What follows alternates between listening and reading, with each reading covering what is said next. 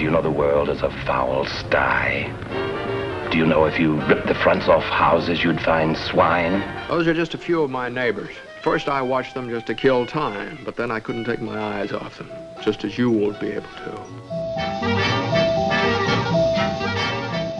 Hallo en welkom bij Julius versus Jasper, de podcast waarin wij elke aflevering twee genrefilms bespreken, met elkaar vergelijken en dan aan het einde stellen we die vraag van, hey, wat als er maar eentje van die twee mag blijven, welke zou je dan kiezen?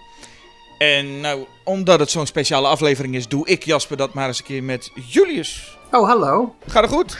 Jawel, met mij wel. Nou ja, ik, moet, ik zit nog steeds eh, eh, veel binnen opgesloten vanwege mijn eh, langdurige COVID.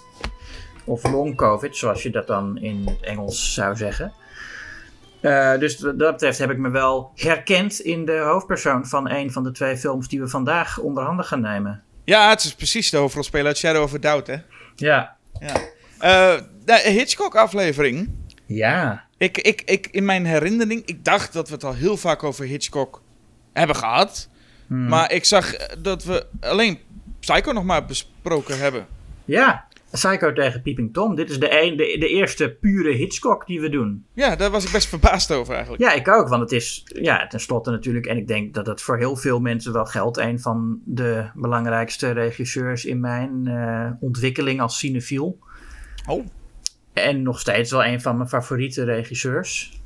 Ja, want heel vaak is dat zo'n cliché dat je dan hoort van... ach, de Hitchcock, dat wordt op, op, op filmscholen dan les ja. ingegeven... en dat je eigenlijk denkt, ja, wat hij je er ook aan, aan die oude meuk, ja, maar dat is dus niet echt zo. Nou ja, nee, maar dat is zo. Dat, ja, het is toch. Er is een reden dat Hitchcock en Spielberg zo cliché zijn om te noemen. En dat is gewoon dat ze ontzettend goed zijn.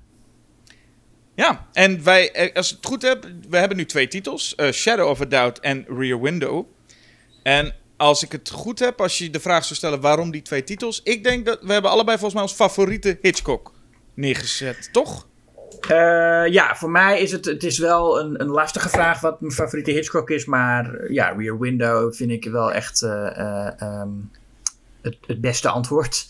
Um, en ja, ook, maar ook twee die, over, die vaak als de beste beschouwd worden. Althans, Shadow of a Doubt werd tijdens zijn leven als zijn beste beschouwd. En heeft hij zelf ook een paar keer gezegd dat hij het wel zijn beste film vindt. Maar is de laatste tijd vooral ja, sinds zijn dood of rond, vlak daarvoor ook, toch wat meer in de vergetelheid geraakt. Uh, terwijl in die tijd films die als minder beschouwd werden, zoals Vertigo, juist heel erg uh, in, in, in aanzien zijn gestegen. Vertigo wordt nu over het algemeen gezien als zijn beste film. Ja, dat wil ik zeggen. Ik heb een beetje over het algemeen gezocht wat mensen zijn beste werk vinden. En dan wordt Vertigo volgens mij vaak aangewezen als een van de beste. Ja, die film die moeten we misschien ook nog wel eens over hebben. Maar dat vind ik vooral, ik vind het een heel uh, bijzondere film. Uh, heel, heel erg zijn tijd ver vooruit. Um, wat hij daar deed, ja, dat was echt nog niet gebruikelijk toen. En wat dat betreft is het artistiek gezien een van zijn meest bewonderenswaardige films. Maar uiteindelijk ga ik voor Hitchcock toch ook heel erg voor amusement. En ik vind Vertigo lang niet zijn meest vermakelijke film. Nee, nee ben dus ik het ook mee eens, ja. Uh, ik vind, ja, uh, over vermakelijke Hitchcock vind ik North by Northwest een van zijn meest vermakelijke films. Ja, zeker. En, uh, en, en wat betreft ondergewaardeerde zou ik Saboteur willen noemen. Een soort voorloper van North by Northwest. Mm -hmm. En Foreign Correspondent, die zich voor een aardig deel in Nederland afspeelt. Oké, okay, ja, beide heb ik niet gezien, dus dat is, dat is goed dat je dat zegt. Aanraders, ja. Ja, en ik, eh, ja, ik weet niet of het dus ondergewaardeerd of is, maar uh, Rope is ook een van mijn favorieten. Oh ja, Rope. Nou ja, Rope is natuurlijk wel het een en ander gemeen met uh, Rear Window, wat betreft hè, de, de, de, één locatie en, uh, en James Stewart. Um, en Rope werd destijds een beetje als een mislukking beschouwd. Was, deed ook niet goed in de, in de bioscopen. Um, en Rear Window was dan. Het was best wel bijzonder dat hij besloot het, het, nog een keer te proberen. Zeg maar, nog een keer op één locatie met James Stewart. En, en dat werd natuurlijk toen wel een enorm succes. Ja, heeft een beetje. Ik heb soms een haat-liefde verhouding met James Stewart. Want na Vertigo had hij weer niks met James Stewart, toch? Van hij is te oud en dat zal wel de reden geweest zijn dat Vertigo uh, flopte. Ja. Dus, Ja, nou ja, Vertigo was natuurlijk ook heel erg tegen, heel erg tegen wat eh, James Stewart deed. Hij, speelde altijd een beetje die eh, vriendelijke everyman. En dan wordt hij opeens als zo'n personage. Ik kan me ook wel voorstellen dat Stewart zelf eh, daarvan baalde. Dat, Ja. dat, dat zijn, eh, zijn uitstapje naar een ander soort personage niet eh, gewaardeerd werd. Ja, en nou we gaan we kijken naar de twee films die we nu gaan bespreken. En ook een beetje in de, welke, welk moment ze gemaakt zijn. Want ik wou de hele tijd zeggen, Shadow of a Doubt, een van zijn vroege films. Maar dat is eigenlijk helemaal niet echt zo. Nee. Want het is 1943 en dan vergeet ik steeds dat Hitchcock in de jaren 20 natuurlijk al films maakte. Mhm. En dan heb je nog de hele jaren 30 en dan kom je in de jaren 40 aan.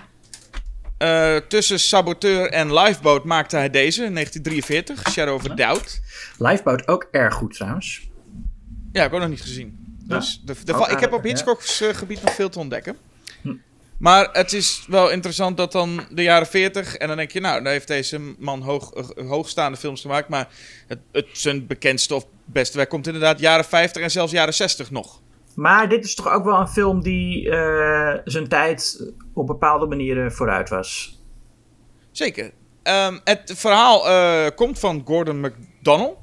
Die had een idee, eigenlijk, zo, zoals ik het zo zag. Een idee dat getiteld was met Uncle Charlie.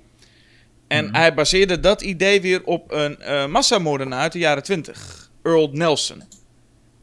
En het verhaal over van die Earl Nelson zijn vrij, zijn vrij gruwelijk verhalen, zoals veel verhalen van de, m- over massamoordenaars. En dit verhaal was dan van ehm, dat die, die jongen is van de fiets gevallen en sinds als kleine jongen en is dat werd daarna eigenlijk zijn gedrag werd daarna helemaal anders. En dat is iets wat ook in eh, Shadow of Doubt meegenomen is.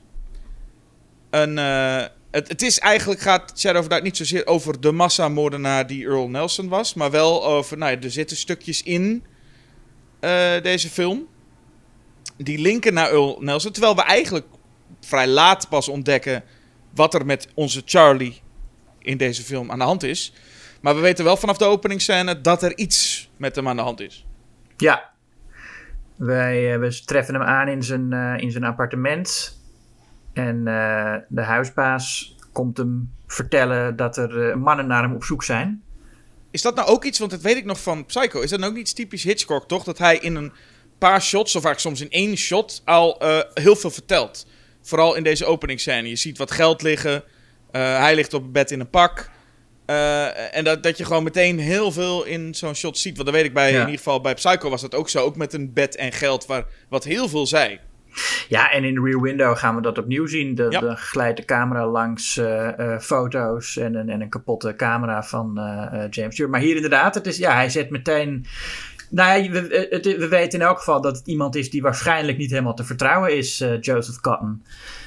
Eh, want hij had wel gezegd dat het Joseph Cotton is. Nog niet verteld? Nee. Nou ja, en- dan, dat, het is Joseph Cotton, die wij misschien ook eh, kennen uit The Third Man. En, eh, en wij in de podcast Kane besproken en, hebben in Touch of Evil. A Touch of Evil en nou ja, Citizen Kane, Magnificent Ambersons, veel Orson Welles films. Ja. ja. En dus snel neerzetten, hè, de openingsscène. Er is spanning, hij wordt gezocht. Ehm, nou ja, dan weet je dus in die zin... Elke keer als we Charlie gaan zien, en dat wordt veel... weten we dat er eh, iets mis is. Een goede spannende openingsscène. Wat een mooi contrast is met waar we daarna naartoe gaan. Want oom Charlie die besluit maar om ergens te gaan logeren. Zegt hij dan ook. En dan gaan we naar het familietje waar die gaat logeren. Eh, in Santa Rosa eh, in California. Zo'n heel klein, idyllisch plaatsje. Met weet je wel, van die grote huizen, wi- witte hekjes, mooie, mooie voortuinen, dat soort dingen.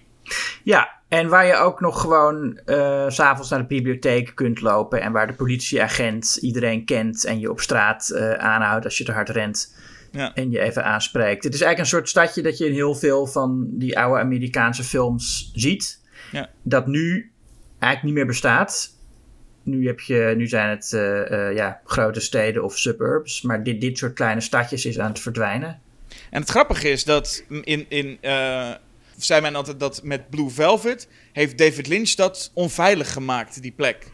Nou is het natuurlijk zo dat, dat Hitchcock zelf al een beetje daarmee speelt. Maar dit is al vele jaren eerder, waarin eigenlijk Hitchcock hetzelfde doet. Die Ja, wilde ook zeker. graag dit soort plaatsjes. Eh, en dat vond hij ook zo aansprekend aan dit verhaal. Ik wil dit soort plaatsjes juist onveilig maken. Ja. Eh, en dat is eigenlijk mijn grote, wat ik heel knap vind aan deze film, als ik hem in één zin zou moeten omschrijven, is hoe eh, Hitchcock gaat hier van Frank Capra naar David Lynch toe in deze film. En dat Frank Capra is eigenlijk wat we nu gaan zien als eerste, is die Mhm. familie ontmoeten. En dat is één, nou ja, komische, he- gezellig sfeertje is het ook. ja. Ja. En eh, vind ik, al, ik vind dat al leuk, dat gezinnetje ont, eh, ontmoeten. Ja, we zien eh, nou, de vader natuurlijk is, eh, ehm, hoe heet hij? Henry Travers, die wij ook al eerder besproken hebben in It's a Wonderful Life, waar hij de, de Engels Clarence. speelt. Clarence. En, ik, en, en dat is het dan meteen zeggen dat die Joe, die die speelt, en die acteur heeft ook een heel fijn komisch hoofd. Ja, zo'n lekker een beetje, hij lijkt een beetje op een, op een hond, vind ik. Ja, weet je, dat komt door die wenkbrauw volgens mij Ja. ook. Ja, klopt. En dat is ook fijn voor zijn rol. En ik moet zeggen, oké, we, we, we stappen even van het gezin dan af, maar eh, hij is een hele fijne, eh, eh, fijn duo vormt hij met Herb. Ja, Wat ook een van mijn favoriete personen is uit deze film. Ja. Eh, eh, maar daar komen we zo wel op trouwens. Dus Ja, daar komen we zo wel op. Maar eerst even de rest van het gezin afmaken. En niet op de manier wat Charlie dat wil doen, maar gewoon even bespreken. We hebben Emma dus, de moeder. Ja Patricia Colinge. En daar weet ik niet zo heel veel over te zeggen eigenlijk. Gewoon, Nee, niet zo. Nee. Er is ook niets van over te zeggen. Nee, het is... En, Nou, haar, voor haar familie waarschijnlijk wel, maar eh, eh, Ja, en, en- eh, de, de, de, kleintjes, maar om ze maar even zo te noemen, de kinderen. We hebben eerst Anne, het, het- Mhm. een heel klein wijsneusje. Ja, heel, heel belezen meisje. Dat, is, dat vind ik wel het, het meest gedateerde aan deze film. Zijn haar eh, comic relief momentjes waarop ze dan veel te slim voor haar leeftijd is. Is dat gedateerd? Ja, dat zou je nou niet meer doen, toch? Dat soort... Nou, dat gebeurt er nog steeds. Gewoon kleine kinderen die veel slimmer zijn dan de ja, volwassenen. maar ook de manier waarop het gespeeld wordt. Ja, eh, oké. Ja, Maar dat zit, nee. in, dat zit in wel meer dingen, denk ik wel. Maar sure, sure. Het ook dat, dan is er ook nog dat jongetje, Roger. Mhm. Die is op een of andere vooral geïnteresseerd in statistieken. ja? Is dat, die komt er gewoon, hij komt binnen en zegt: Weet je hoeveel stappen het is van de winkel naar hier? ja precies. Ja. Eh, ik, ik, het is ook een soort character trait, ik weet niet waarom. Eh, wat, vooral gewoon, wat je vooral gewoon het gevoel krijgt is... Dat is wel fijn, daar binnen, binnenkomen. En het is zo'n rumoerig gezin. Zo'n rumoerig huishouden. Ja. Wat je een beetje in, ook nou ja, tot in de jaren negentig sitcom... eh, of niet sitcoms, maar in eh eh, familiecomedies ook vaak zag, toch? ja. Denk, denk een Home Alone, waarbij mensen binnenkomen... Mensen lopen te ratelen en lopen door elkaar heen. En dat zie je hier eigenlijk ook.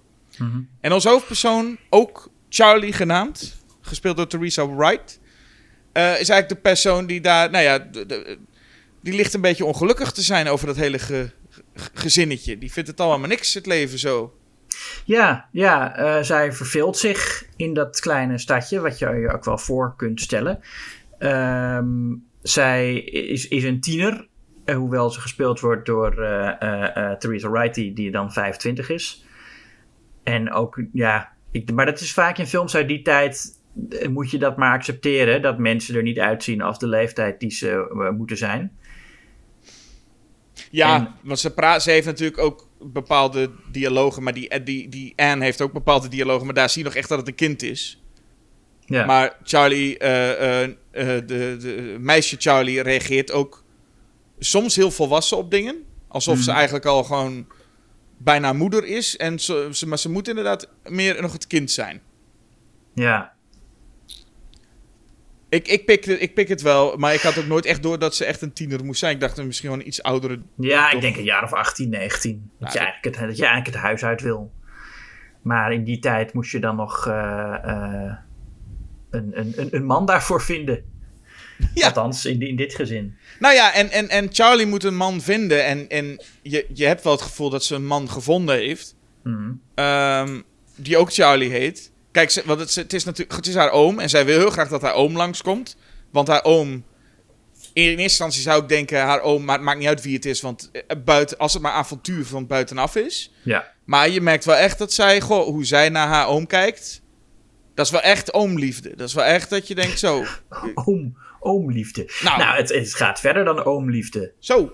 Dus ze, ze idoliseert hem. Ook daar vroeg ik me wel eens af of dat nou iets gedateerd was. Of dat het echt wel richting... Perversiteit, eh, eh, in, incestueuze verlangens. Ja, toch? Ja, nou ja, dat is, dat zal, ik denk niet dat dat gedateerd is. Ik denk dat eh, daar zeker een, een, een perverse laag in zit, ja. Ja, maar dat, want het is, het is iets dat ze... Want ze loopt dan op een gegeven moment met hem op straat. En dan kijken heel veel mensen naar... Oh god, met wie loopt Charlie nou weer te, te flikvlooien? Zoiets lijkt het. En dan ziet ze dat. Zij weet dat mensen dat, dat denken. En dan eh, zegt ze ook... Oh, Charlie, ik wandel zo graag met jou. Hè? Ik wou dat iedereen ons kon zien. Ja, ja. Dat zegt wel iets over haar dan, als je dat graag wil. Ja, omdat zij, zij, ken, zij heeft daar in, de, in dat stadje natuurlijk nooit een, zo'n man gehad. Ze kent niks anders.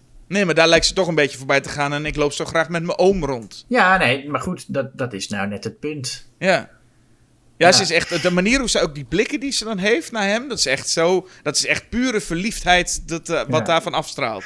Maar zij is ook natuurlijk, zij vertegenwoordigt ook heel erg de onschuld eigenlijk. Hoewel ze wel zich verveelt en, en avontuur wil. Ze heeft echt een enorme ehm, onschuldigheid over zich. En een soort bijna naïef geloof in dat de wereld mooi is. En dat dat natuurlijk tegenover eh, de, de, de ideeën van haar oom Charlie staat. Ehm, dus, en, en, en hij wil haar corrumperen. Hij, hij wil haar laten zien dat de wereld zo lelijk is als hij gelooft. Want hij voelt zich eigenlijk ook bedreigd door haar onschuld en haar innerlijke goedheid. En ze weigert ook meteen het cadeau als hij met een, met een, met een, met een ring. Of met, met, hij heeft voor de, voor de hele familie heeft hij cadeaus meegenomen. En zij wil dat niet. Ze nee, dat je er bent is al genoeg. Ja. En eh, nou, dan geeft hij er toch maar een ring. Ehm, maar nee, zij, zij heeft echt een soort een, een, een blik op de wereld die heel erg tegengesteld is aan die van hem. Dus zij weet ook helemaal niet dat het ongepast is hoe ze met hem omgaat. Nee. Nee, en een goede eh, vertelwijze sowieso van Hitchcock is hier dus, hè, die openingsscène. Even laten zien dat eh, het niet pluis is met Charlie. En dan hem in deze familie zetten. En dan gebeurt er een lange tijd even niet zoveel.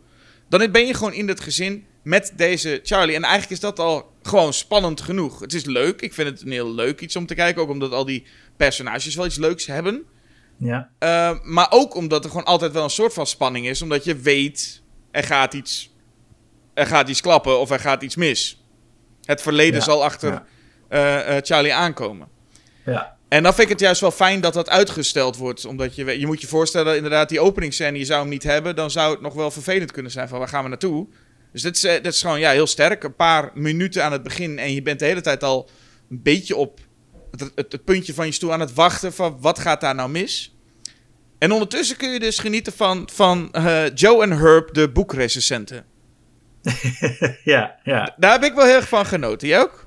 ja, dat is hartstikke leuk. Ja, Ja, dit, dit- deed me dus het meest nog Frank Capra-esque aan.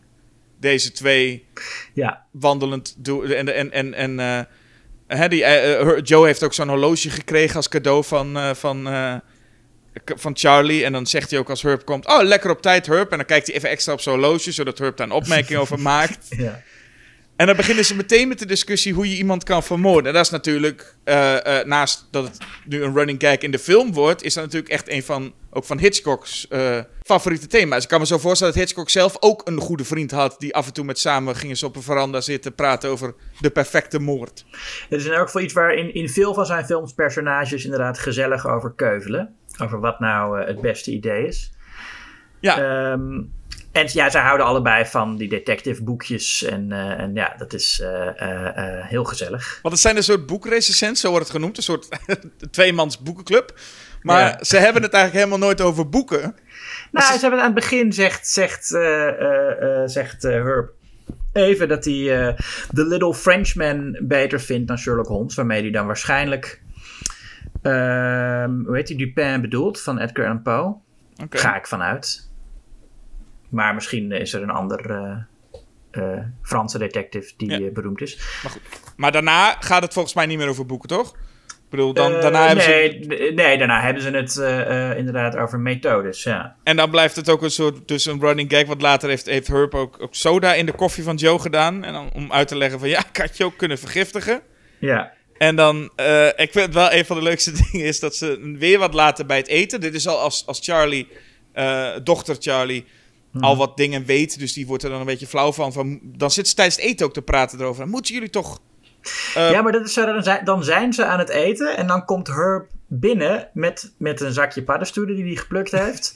Ja. En dan gaat hij zo naast de tafel zitten en ga- die vader draait zich dan om. En het is dan een beetje echt zo'n zo'n klein jongetje dat dan binnenkomt. En dat, eh, mag ik van tafel om met een vriendje te praten? Ja, Ja, ga maar even. Van, ik, ik ben iets te vroeg. Nou, ik ga daar maar even wachten. En dan gaat hij zo omdraaien. Zo van, hé, hey, hey, hoe is het met jou? En dan, ik heb paddenstoelen. En dan moeten jullie nou toch zo praten over mensen vermoorden, roept dan. En zeggen ze heel onschuldig. Nee, we praten niet over mensen vermoorden. We praten over elkaar vermoorden. Ja. En dan zegt die moeder ook nog erbij: Ja, dat geeft je vader rust. Laat hem, Ja, laat hem ja. nou lekker praten over, over hoe hij Herb kan vermoorden. Ja. En ook tijdens dit diner ehm, begint eh, eh, Uncle Charlie. Of ja, op, op dit moment weet, weet eh, eh, eh, Charlotte al wat meer van Charlie. Hè? Zij heeft dan in. oh, misschien moeten we daar moeten we toch even een stapje terug en naar hoe ze achter die dingen komt. Ja, laten we dat doen. Want het, het, het eerste wat in ieder geval in het huis gebeurt. Wat, want oom Charlie wil dingen. nou ja, wel zien te verbergen. En dat is een bericht in de krant. Mhm. Dus dan gaat hij maar eventjes. wil hij in ieder geval daarmee wegkomen. Door die pagina uit de, uit de krant te halen. En dat vind ik wel leuk dat hij dan een trucje doet. Met zo'n, met zo'n huisje vouwen. Mhm. En niemand is ervan onder de indruk. Maar iedereen zegt gewoon meteen als ze dat zien. Oh, ben je nou de dat is vaders krant, hè? ja. ja. Niemand maakt het. Iedereen is gewoon, weet gewoon. Daar is ooit iets gebeurd met die krant. Dat je weet. eh, je bent met, en iedereen die ook maar binnenkomt, zegt meteen. Dat is vaders krant, hè? Je weet dat je Ja. dat doet. Ja. Ja. En het, het interessante daarvan is al dat jonge Charlie, dus de dochter, heeft meteen door wat er aan de hand is. In die zin dat, eh, hè, dat, dat zegt ze ook. Ze beweert steeds van, ja, hij- eh, zij en, en oom Charlie hebben een link. Maar zij heeft het ook meteen door. Zij ziet even zijn jaszak met een ding erin en ze zegt meteen, oh ja, dat hele huistrucje. Jij, jij staat in de krant en dat wil je verbergen. Weet je, ja, die is, die is er snel, eh, snel bij. ja, nee, ze is heel slim. ja. Slimmer, ze is slimmer dan ze lijkt. Ja. En ik vroeg me wel af waarom Charlie dat zou willen verbergen. Want eh, ja, volgens mij wordt uit de krantartikel niet per se gehaald dat, dat het om Charlie gaat. Nee, want het kantartikel, daar komen we later inderdaad achter, gaat over de eh, Mary Widow Killer.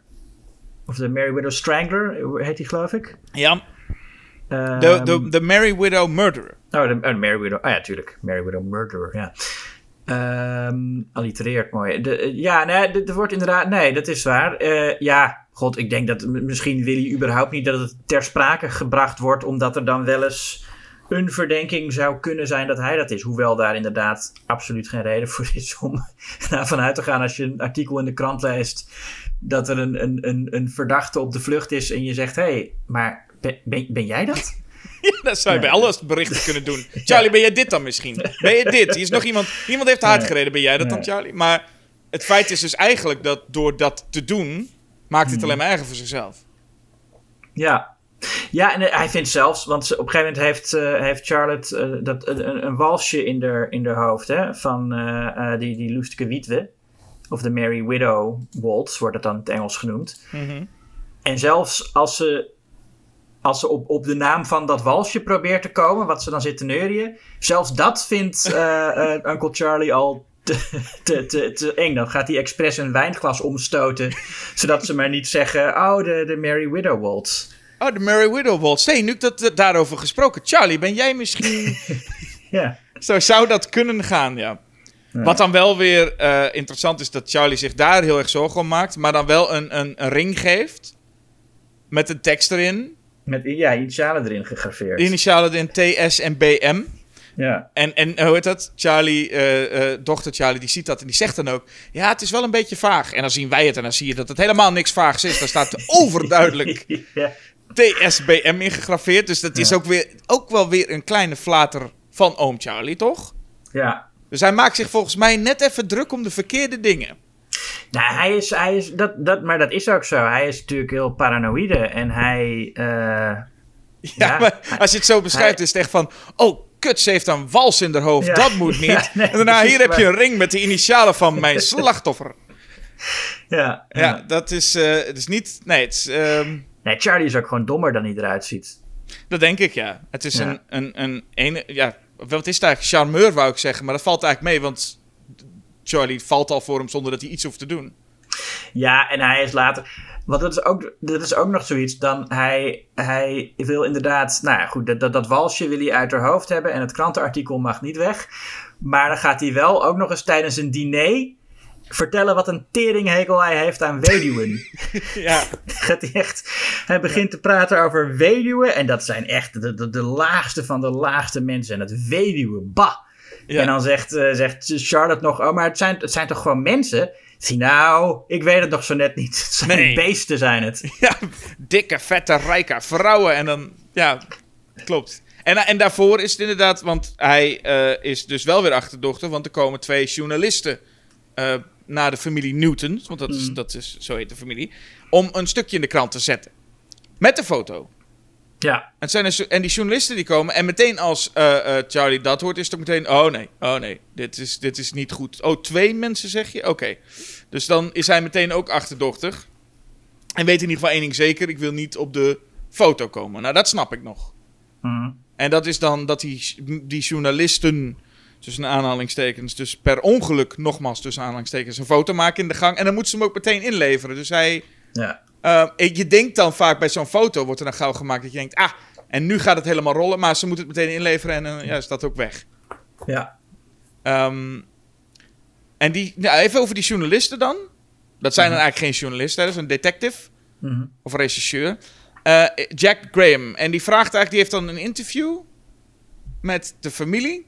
Die, moeder, die moeder staat een cake te bakken, want dat moest voor de foto. ja. En hij vraagt dan, nadat de foto mislukt is van de oom, vraagt hij van... Joh, mag ik anders je dochter vanavond meenemen de stad in? Ja. Dat is ook een, eh, een, een, een, een, een charmeur, om het maar zo te zeggen. ja, die Jack Graham, die, die, wil, is meteen, eh, voelt hij wat voor, eh, voor Young Charlotte. Ja. En ja, zij nog niet voor hem. Zij is nog steeds gefascineerd door oom Charlie, maar niet vindt hem ja, gewoon, gewoon een vriend. Hè? Ja. Ehm, en ik, ik vind ook niet die, die romance die dan moet opbloeien tussen hun, die zie ik ook niet eh, eh, gebeuren. Ik zie het van in ieder geval van één kant. Maar dat is meer dat... Ja. Je vraagt je ook af, wil hij er iets mee? Want hij vraagt inderdaad, mag ik je dochter vanavond meenemen de stad in? En denk je, misschien wil hij op deze manier wel dingen over oom Charlie weten. Maar volgens mij wil hij dat helemaal niet. Volgens mij is hij gewoon vooral geïnteresseerd in... eh, in eh, Ja, In de- nee, want, de- want, want die, die moeder zegt ook van ja, je, Anne kan je veel meer vertellen. Zij kent iedereen. en dan zegt hij nee, ik wil niet eh, dat, geen zin in. met je dochtertje van tien de stad in.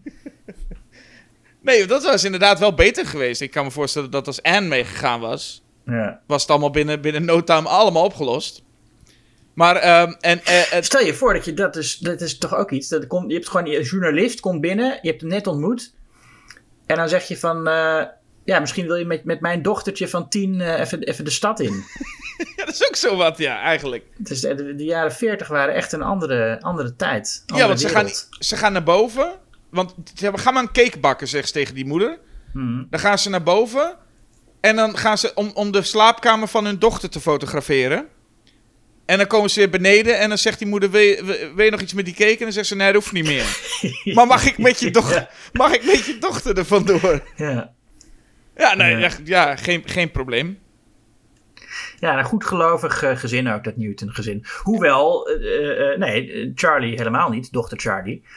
Want die weet aan het einde van haar avondje stappen met de detective dat hij een detective is. En Ja. Dat zien wij Wat ook die- niet. Wij zien, nee, wij, wij eh, zien wat niet hij wat nou daar... gedaan heeft dat ze erachter komt. Nee, het is gewoon eigenlijk ineens, ineens begint een scène. Na, na zo'n avondje begint ineens zo'n scène dat ze zegt... Ja, ik weet wel waarom je dit wil. Je bent eigenlijk regisseur. Ja, ik heb het idee dat er dan iets. Ik heb toch, ja, toch het idee dat er iets uitgeknipt is. Dat, ik weet niet of dat zo is, maar ik mis daar echt een soort eh, moment dat, dat zij het ontdekt. Ja, op zijn minst zou je denken dat hij haar dus helemaal ondervraagt. En dat Ja. ze denkt, ja, nu, nu snap ik wel waarom je dit wil. Nee, maar het begint gewoon, we krijgen een montage te zien van hoe zij door die stad lopen. En een paar mensen komen ze tegen en nou, ze lachen. En dan knip en dan hoor je ook zo'n dramatische muziek aanzwellen. En close-up van eh, eh, Charlie's gezicht. Ja. En dan meteen, I know what you are. Ja. En die Graham, die, die heeft ook helemaal geen zin om het lange foto's... Maar die zegt ook meteen, ja, ik ben regisseur. Die heeft ook verder geen zin om het lang te, te, te, te spelen. Eh, hij is regisseur en hij, hij regisseur en hij begint dus over die oom Charlie. En eh, nou ja, dat neemt dochter Charlie dus wel in serieus. Want ze gaat meteen inderdaad, wat je al zegt, s'nachts naar de bibliotheek... om dat krantenartikels op te zoeken. Eh, waarin ze dus eh, eh, iets ontdekt over die Mary Widow Murderer. Ehm, en eigenlijk is dat dan... Ja, dat vroeg me nog wel een beetje af. Is dat nou het moment dat wij weten dat is Char eh, oom Charlie? Nou, dat is het moment dat we daarvan uitgaan, toch? Ja, ik weet... Ja, dat, nou ja, goed. Ook omdat die openingsscène dus zo... eh, eh, het, het is, een beetje de vraag, want er wordt nooit heel direct, zeg maar, bovenop gelegd. Charlie is de eh, Mary Widow Murder. En ik Mhm. moet zeggen, toen ik de eerste keer dat ik de film ook zag, was het best wel een ding dat ik gewoon, omdat het zo'n Frank, Frank Capra sfeertje had, dat ik het best wel gek vond dat in die film, dus inderdaad de oom echt een, een moordenaar blijkt te zijn van allemaal weduwen. Ja, ja, jij dacht eh, Hitchcock zal vast nog een twist aan het einde doen dat hij toch niet gedaan heeft. Ik dacht gewoon aan iets onschuldigers. Hm. Het, het, het, maar dat komt dus puur door de sfeer die Hitchcock neerzet, hè? Ja, ja. Aan het begin. Dat zet mij in ieder geval een beetje op een, op een wat verkeerd spoor. Dat je denkt, oh, je ziet iets wat een beetje Ernst Lubitsch, Billy Wilder, Frank Capra-achtige sfeer heeft. En om dan ineens te beginnen met die oom die je zo leuk vond, is eigenlijk gewoon een, een, een, een vrij heftige moordenaar. Die niet alleen weduwe vermoordt, maar straks ook jou, jij, jou probeert te vermoorden. Nou, dat is vrij duister. Ja, maar dat gebeurt in films van Capra en Lubitsch en, eh, en Wilder natuurlijk ook. Duistere dingen. Er gebeuren wel duistere dingen, maar zo direct als dit. Ja, Arsenic en Old Lace. Ja, nee, maar daar, daar gebeurt alles nog met een knipoog. Ja, nee, natuurlijk, ja. Vind- Nee, je hebt gelijk. Het, nee, het is, het, is, het is inderdaad in, de, in, in, in die gezellige huiselijke sfeer is het een tamelijk eh, eh, schokkende onthulling. Hij had van alles kunnen zijn natuurlijk. Ik zou gewoon willen, willen denken aan. Zou dat nu ook wat meer kunnen?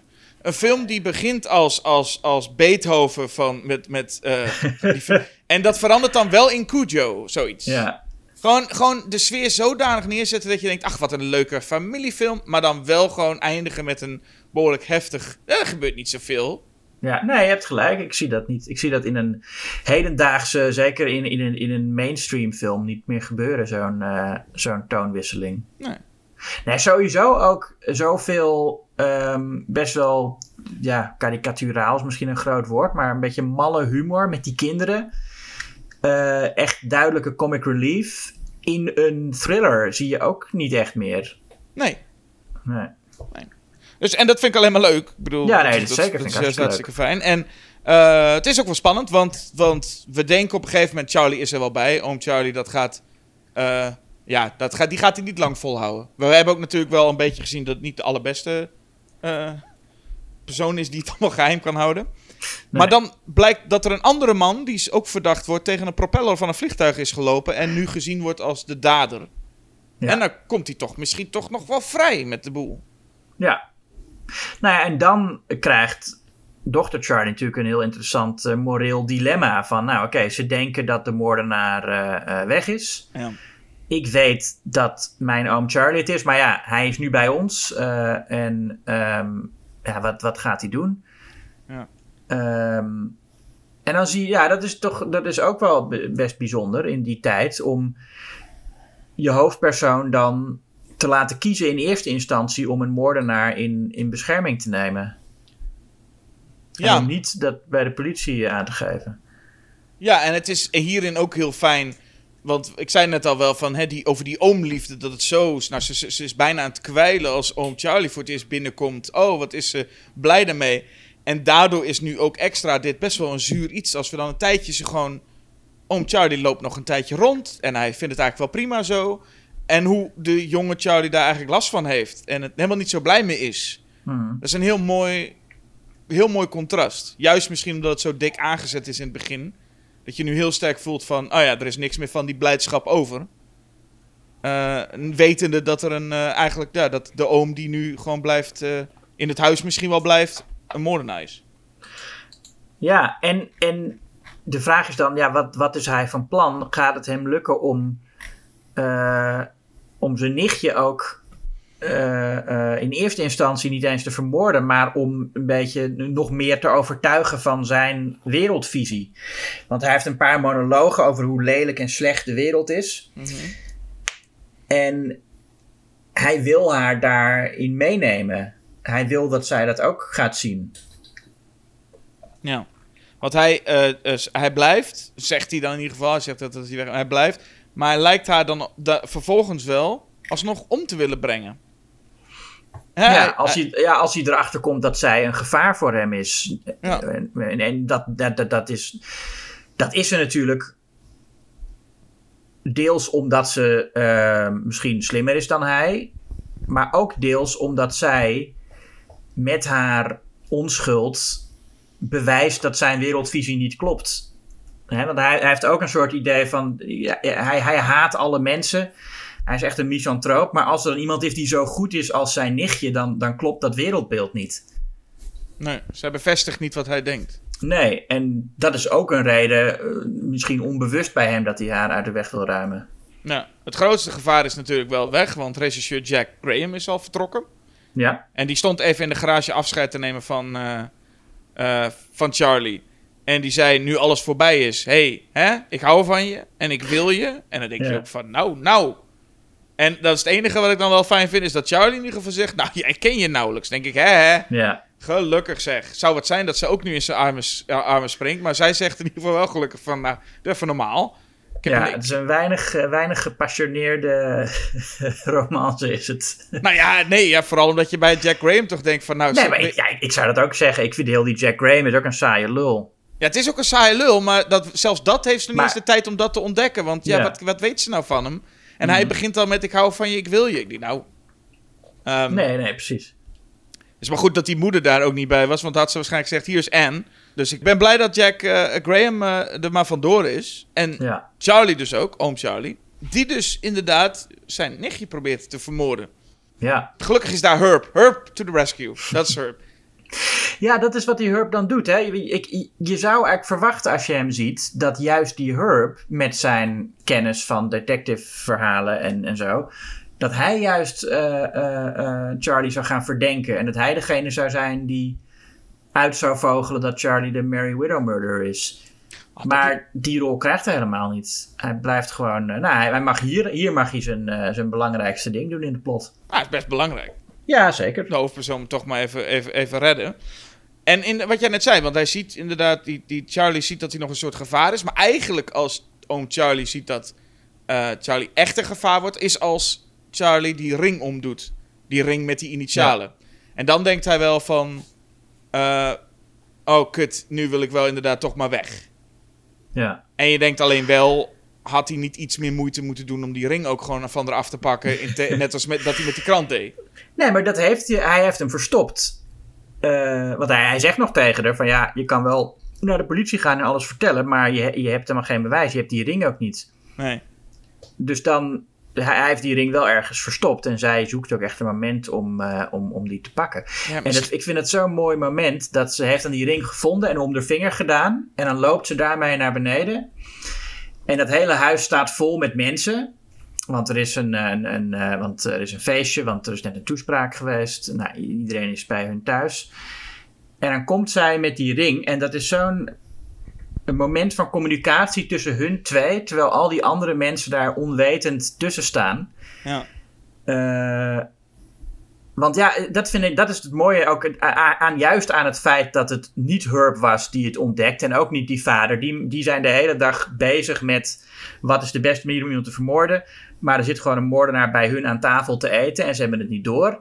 De mhm. moeder heeft niks door, de slimme kinderen hebben niks door. De enige die het door heeft is de onschuldige Charlie. Die, um, dat is ook de enige die wat dat betreft op hetzelfde niveau zit als haar oom. En dus ook op zo'n manier met hem kan communiceren. Maar is het ook niet, dat, en dat, dat vroeg ik me dus een beetje af, omdat je dat vaak hebt bij dit soort films, waar je in zo'n slaperig plaatsje waar niks gebeurt, dat de andere, eh, ja, niemand dat zou verdenken, want ja, dat gebeurt hier toch niet. Dat is wel een beetje wat natuurlijk meespeelt bij al Mhm. die eh, personen. Maar zou dus Charlie dat niet hebben, of komt het puur omdat ze zo dicht bij haar oom staat dat ze het ontdekt heeft? Ehm, ik denk dat het komt omdat het zo dicht bij haar oom staat. En zelfs op het moment dat hij inderdaad dan vertrekt, dat vond ik ook nog wel best wel een, een ding. Eh was best wel even geschrokken. Dat, het feit dat dan denk je van nou nu gaat hè, eh, Charlie er vandoor en is het klaar. Dat hij toch nog een poging doet om haar te vermoorden. Toen dacht ik wel, oh fuck, dit is... eh, ik, ik, ik weet niet of ik ooit... Misschien heb ik in de eerste keer wel even gevreesd voor, voor jonge Charlie. Dat ik denk, zal de film zo duister... Oh Eh, ja? Ja, daar heb ik wel even aan gedacht. Ah.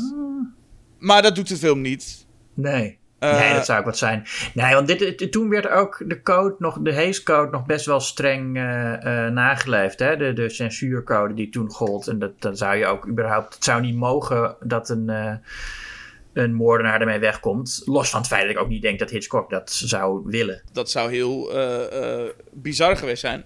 Tegelijkertijd is het nu wel zo dat inderdaad het eindigt met het feit dat Charlie ehm, haar oma laat sterven als een held. Ja, nee, dat is wel inderdaad een, een moreel. Het is wel, dat is wel een moreel grijs einde, ja. Ehm, en dat ze dan toch samen is met, eh, met Jack Graham uiteindelijk. Dat is misschien nog wat mee. Dat maakt het nog echt extra een sad ending dan. Ja, het is, het is een treurig einde. Ze is, ja, ze is gedesillusioneerd. Ze is niet meer. Nou ja, ze heeft geleerd dat het dorpje of het stadje waar ze wonen niet zo saai is als ze dacht. Ze verveelt zich niet meer. Eh, maar op een. eh, ja, ze heeft, ze heeft toch een, een, een duisterder wereldvisie gekregen. Dus ik vind in, in alles een, een, een goed einde daar. eh, wat dat betreft. Ja, zeker. Heel sterk einde. Nou ja, ik vind het nog steeds wel jammer dat die Jack Graham, dat, ik, dat ik die romance niet, eh, niet koop. Maar ja, het, Nee. nee. ik vind het een, een heel sterk einde dat ze hem, eh, dat ze besluiten het geheim te houden en met dat geheim te leven. Ja. Ja, ik, ik voel ook niet, maar dat komt door het eigen interpretatie, dat ik niet echt voel dat er echt een enorme romance aan vastzit. Ik heb wel het idee dat Jack nog even er is om, zodat Charlie nog even kan ventileren van, want ja, verder is er niemand die natuurlijk dat weet van oom Charlie. ja. Dus dat, maar ik, ik in mijn, in mijn, eh, eh, in het universum van Shadow of a Doubt gaat daarna Jack gewoon weer weg en dan is het klaar. En, Ja, nee, de, de echte romance is tussen Charlie en Charlie natuurlijk. zeker. En je Eh, ziet dat ook gewoon, dat dat, dat, dat, dat zoveel doet. Ja, hun laatste scène is ook echt een dansscène.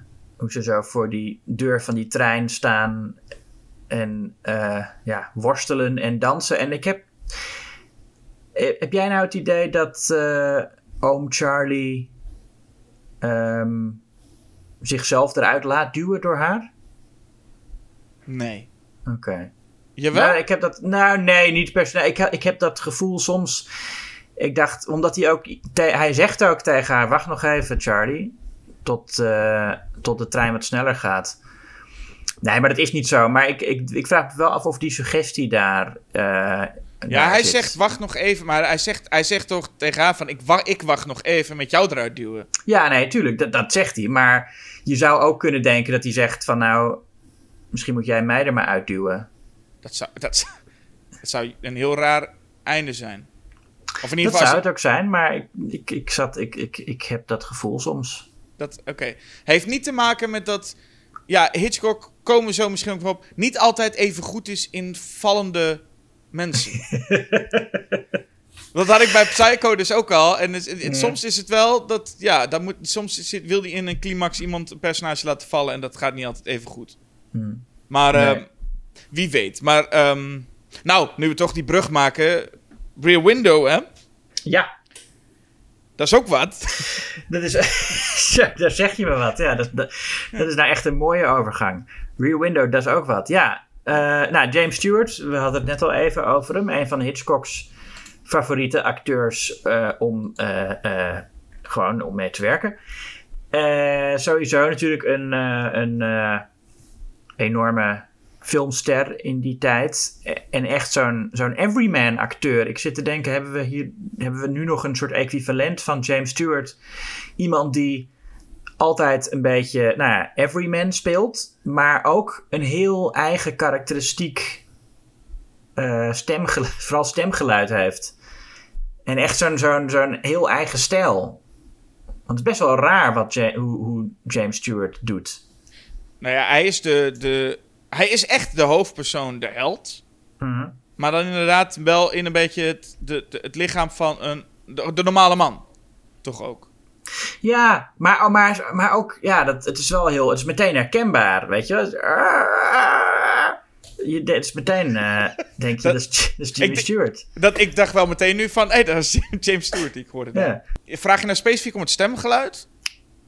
Of om de, alle, Nou ja, de alledaagse man die ik- toch ook je had, is? in, je, had, je had, ik denk, je hebt nu weinig acteurs, weinig filmsterren in elk geval. Die, ik denk dan aan mensen, oh ja, Chris Pratt, Chris Pine, Chris eh, Hemsworth en zo. Die echt, die je gewoon heel, van, van, van wie je een heel makkelijk een stemimitatie zou kunnen doen. Of die er zijn. Mensen waar je makkelijker Nou ja, in. Het is niet, ik, we hoeven daar niet heel lang over, over te na te denken of, of te gaan praten of zo. Maar in die tijd was het volgens mij gebruikelijker dat je markante, excentrieke filmsterren had.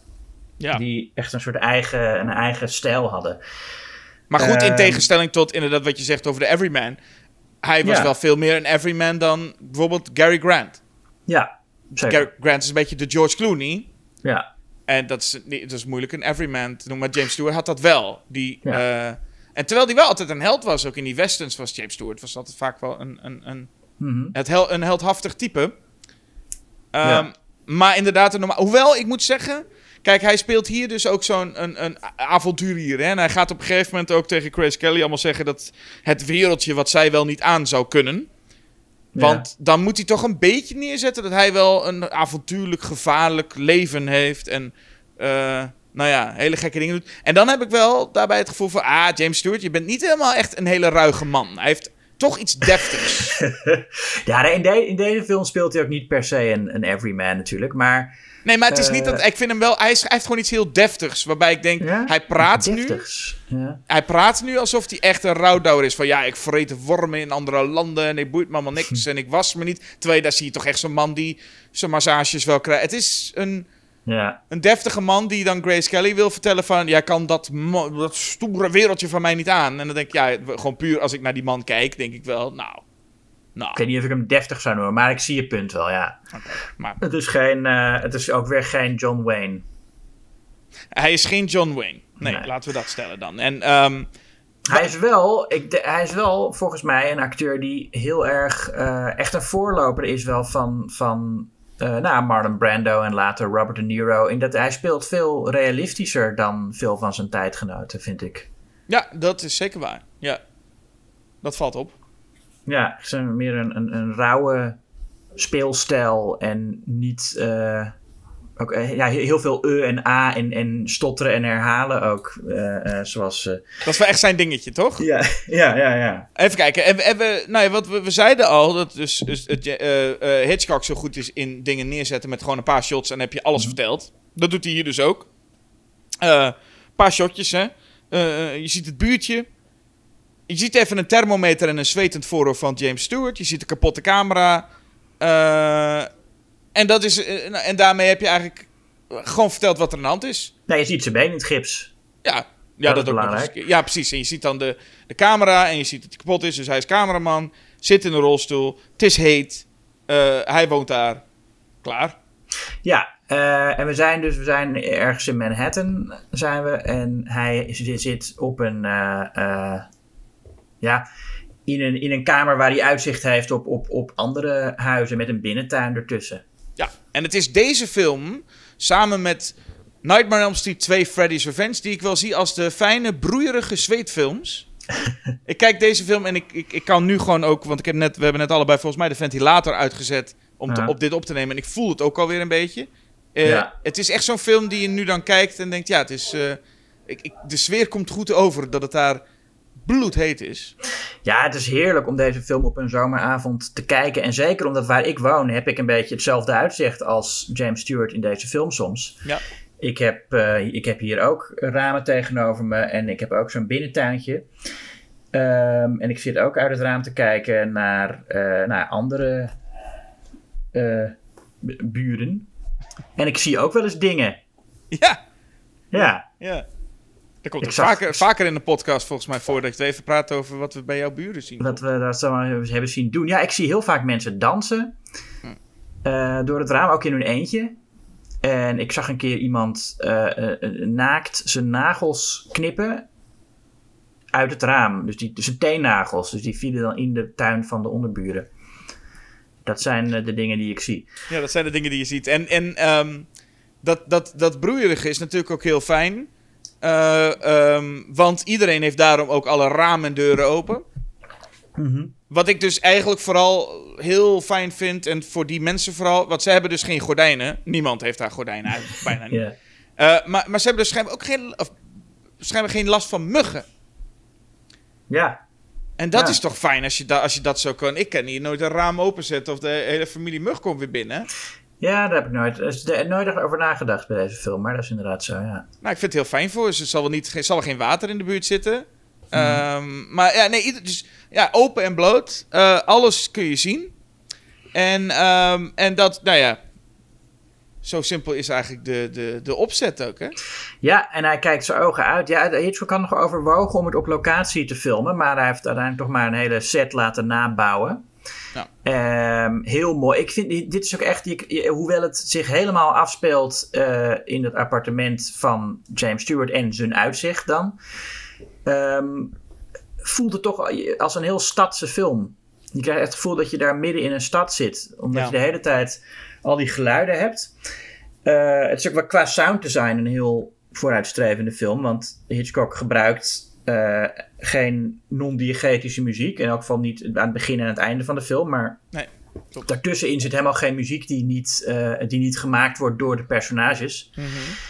En je hoort voortdurend echt stadsgeluiden. En de, de- als je, ik ging daar dit keer nog meer dan tevoren op letten. En dacht, wat, wat, wat raar eigenlijk. Dat je gewoon.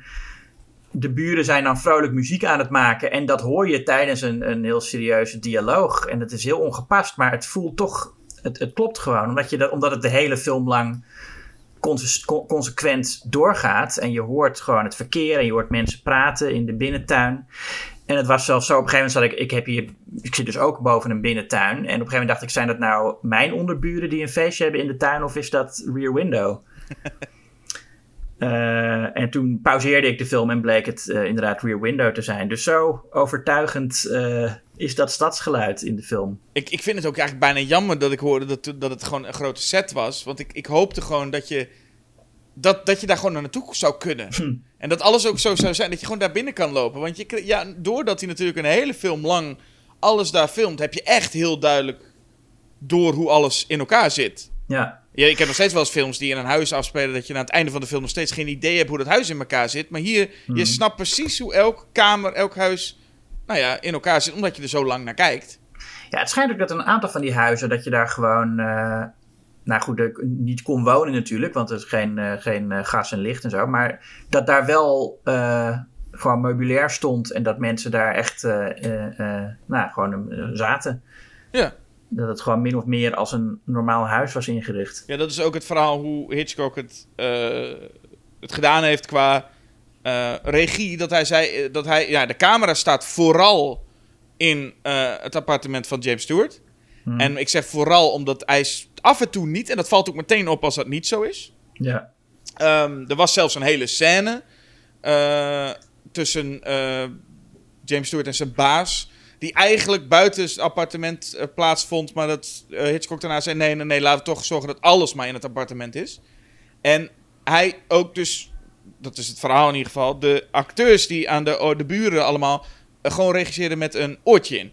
Dus hij zat ook gewoon de alle. eh, hij zat als regisseur ook de hele tijd alleen maar in James Stewart's eh, kamer. ja. Wat waarschijnlijk gewoon een hoop lopen scheelt. Want ik weet niet waarom dat echt verder iets toevoegt aan. Hij kon, ze gewoon, hij kon gewoon dingen roepen naar ze van doe dit, doe dat. En dan deden ze dat. ja. Behalve in de scène waar hij zijn cameo heeft natuurlijk. Bij die pianist in huis is hij volgens mij daar iets met de klok aan het doen. Oh, ik, ik heb Butler heb ik in mijn hoofd. Maar misschien is het ook wel, want ik zie hem daarna nooit weer. Nee, die pianist heeft ook geen butler, lijkt me. Nou ja. En Nou, die, hij, is die, hij, wil, hij is die klok aan het repareren, volgens mij. ja. Het is altijd een beetje. Ik weet niet bij welke film dat dan vooral was. Maar dat hij de laatste, laatste films in ieder geval altijd zorgde dat zijn cameo maar in het begin zat. Zodat je niet afgeleid was. Ja, Ja, in Shadow of a Doubt zit hij ook al vrij vroeg. Hè? In, in, in, de, in de trein waarmee eh, Joseph Cotton naar, eh, eh, naar Oh ja. eh, de familie Newton gaat. Maar daar zal hij nog niet te veel dat iedereen echt daarna ging kijken. Maar volgens mij was het bij nou, Psycho sowieso dat hij echt zoiets had Ja. van... Nou, laten we gauw die cameo maar doen. Want anders ja, zitten mensen daar net te zoeken. Ook, ja. En dan moet je hem ook nog wel redelijk duidelijk doen. Want als het echt te subtiel is, dan zien mensen niet. Gaan ze alsnog de hele film erop letten. Ja, stel je voor. Ja, dus dat was uiteindelijk ook wel een ding, die cameo van hem. Zou die daar ook bij, het, bij de film schrijven over nadenken... dan ben ik dit, of dan ben ik daar? Dan ben ik dit. ja, dat weet je niet, hè? Ja. Nee, ja, nee dat, dat, ik denk niet dat dat eh, zo gaat. Ik denk niet dat hij, in, dat hij tegen de scenarist al zegt van... je moet even zeggen dat eh, iemand eh, daar dan staat, hoor. Want dat moet ik dan zijn. Nou ja, maar ik, ik, kan me, ik denk stiekem dat hij er wel vroeg al... iets vroeger dan hij zou willen toegeven over nadacht. Nou, hij zal er sowieso over nadenken, ja. ja. Ja. ja. Maar goed, Maar wij... het, het lastigste was natuurlijk in Lifeboat. Want die film speelt zich geheel af op een reddingsboot. Waar maar een beperkt aantal personages zijn. Oh jeetje, en- ik heb die film niet gezien, dus ik weet niet wat het antwoord is. Maar Nou, toen heeft hij. eh, Er, is daar een krant en daarin staat een advertentie. Waarin zijn silhouet te zien is. En dat is best wel een beroemd silhouet natuurlijk, dus dat herken je meteen.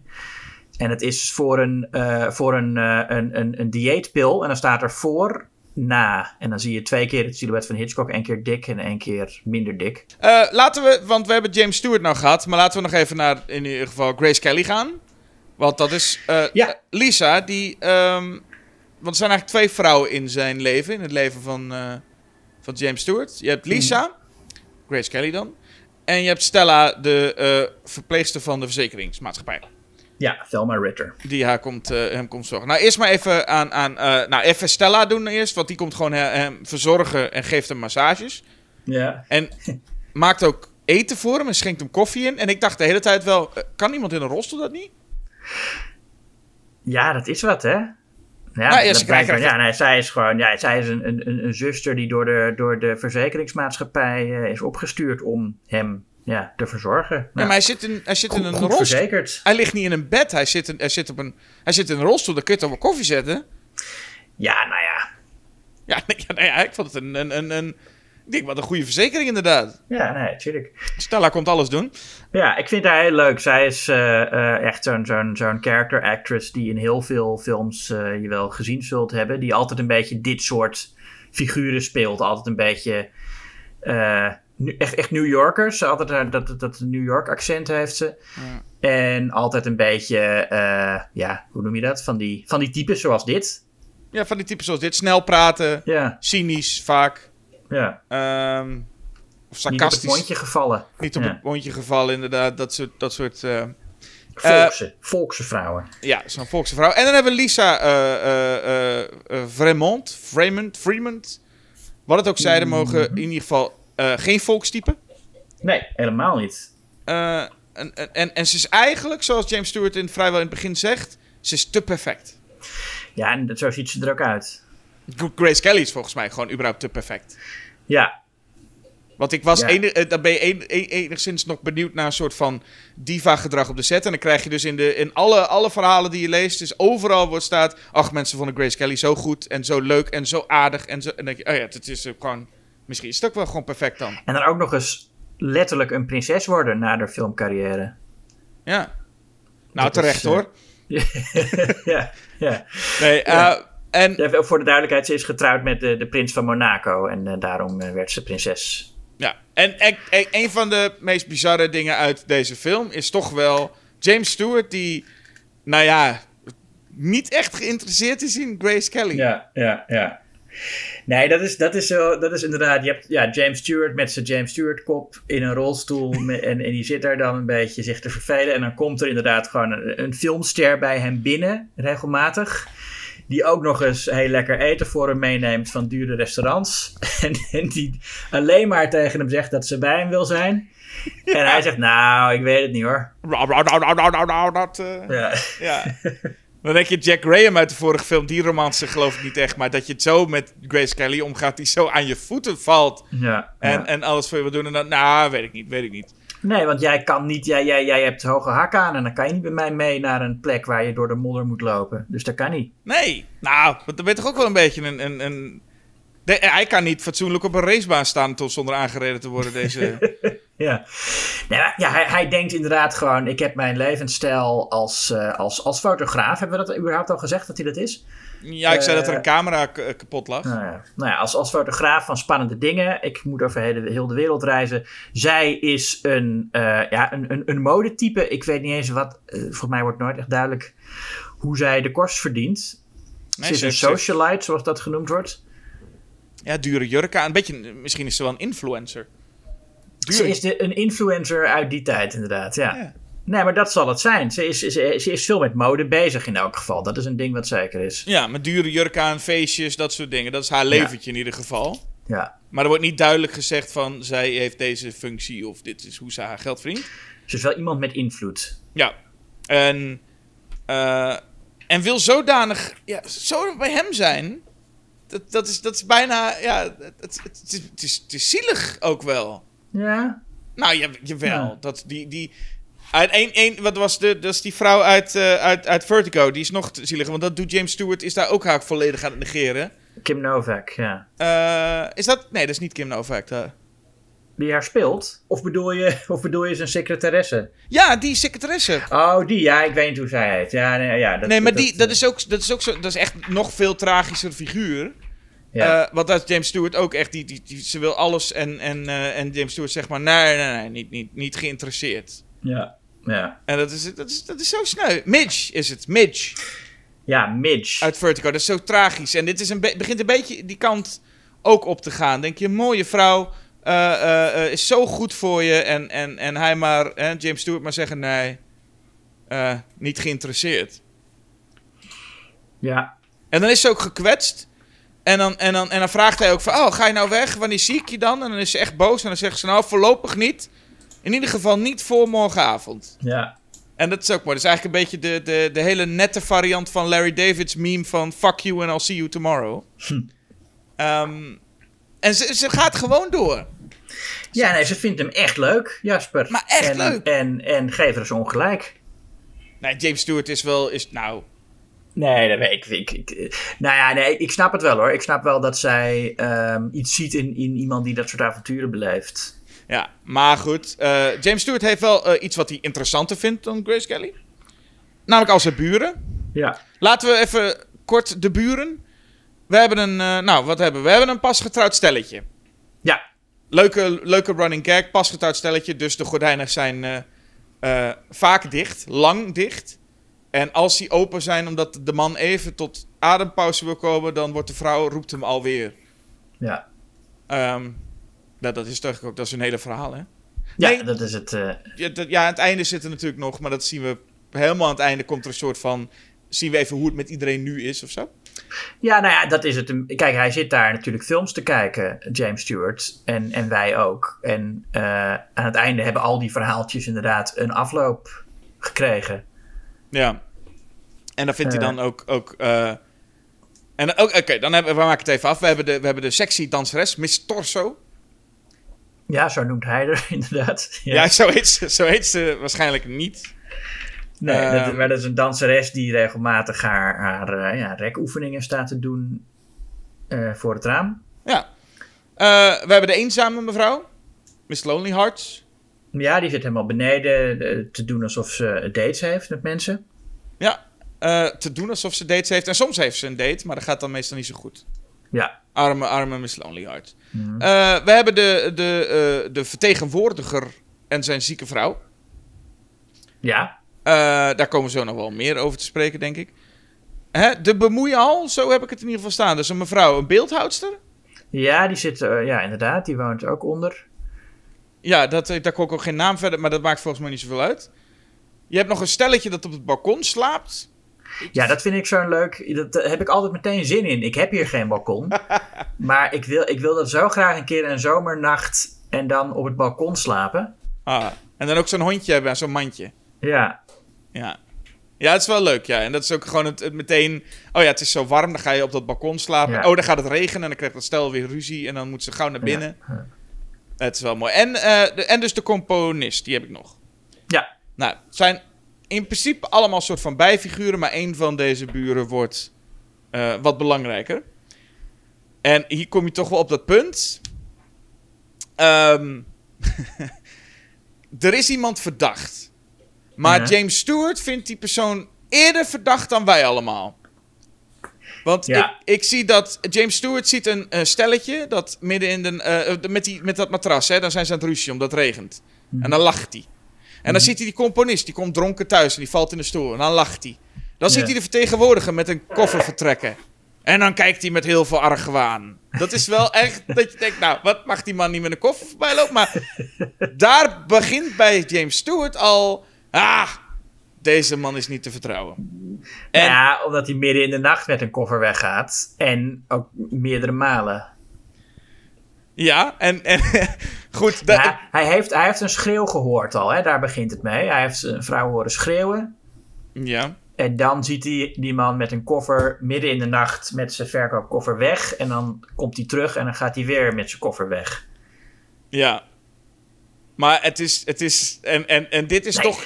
Ik, ik, ik, zou er ook niet, ik zou ook niet meteen denken, daar is iemand vermoord. Maar we zitten in het universum van Hitchcock. Nou, dat en- mag ik niet hopen, want jij hebt ook zo'n soort tuin. En ik ga ervan uit dat je dan best wel vaak, als daar s'nachts iets gebeurt, eh, de politie moet bellen. Maar Ja, de- en, dit, dat, eh, en dit is ook het idee, want die, die, die Stella, daar vertelt hij het dan ook, die zegt ook gewoon van, ja, het is gewoon een vertegenwoordiger, joh. Maar we gaan vervolgens met James Stewart mee. En James Stewart, die weet het gewoon zeker. Hè, we moeten verstoppen, want hij kijkt. Oeh, hij kijkt. En dan pakt hij iets in een krant. En dan gaat hij op de bank slapen. Dat is wat die, wat die vertegenwoordiger dan doet, hè. ja. Die pakt iets, in, pakt iets in een krant en gaat op de bank slapen. En dan zie je James Stewart's reactie met... Oh my god. Maar we zien toch wat hij inpakt. Hij pakt toch grote messen in. Ja, een, een zaag of een mes inderdaad Ja. pakt hij dan in een krant. En, en, dan gaat, maar, en dan gaat hij op de bank slapen. Maar James Stewart's reactie is daar al van... Nou, ik heb een moord gezien. Ja. En ja, daar, nou, dat is toch een van de belangrijkste punten van Rear Window. We moeten toch nu met hem mee. We moeten wel iets... eh, Kijk, hij, hij zoekt de hele tijd verhalen als hij kijkt. En het klopt ook niet altijd wat hij ziet. Eh, hè, want als hij, als hij naar Miss Store zou zitten kijken bijvoorbeeld... dan ziet Grace Kelly veel meer dan hij. Hij, hij zegt, oh, ze heeft, ze heeft al die, die mannen in haar appartement. Dat is hartstikke leuk. Maar zij zegt dan van, nee, ze vindt die man helemaal niet leuk.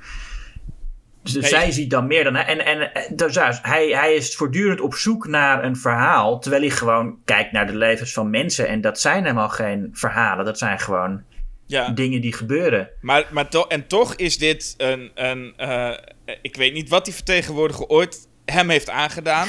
Maar toch nee, is het. ah, hij tuurlijk, kijkt die tuurlijk. verhalen en hij ziet. Oh, haha, ze danst Miss Torso. Oh, dat pasgetrouwde stelletje. Oh, die mevrouw die beeldhouwer is. En dan. Oh, die vertegenwoordiger. Hij zoekt naar betekenis in alles wat hij ziet. En bij, bij de meeste mensen is dat heel makkelijk te vinden. En bij sommigen moet hij dan. Ja, hij, hij kan niet gewoon tegen zichzelf zeggen van... oh, die man gaat drie keer in de nacht weg. Dat, dat is apart, maar ja, dat, wat, wat, dat, wat, wat weet ik daarvan? Hij moet weten wat daarachter zit. En eh, dat gaat ook heel erg over het kijken naar films. Hij zit natuurlijk gewoon films te kijken... door al die ramen die ook de vorm hebben van een filmdoek.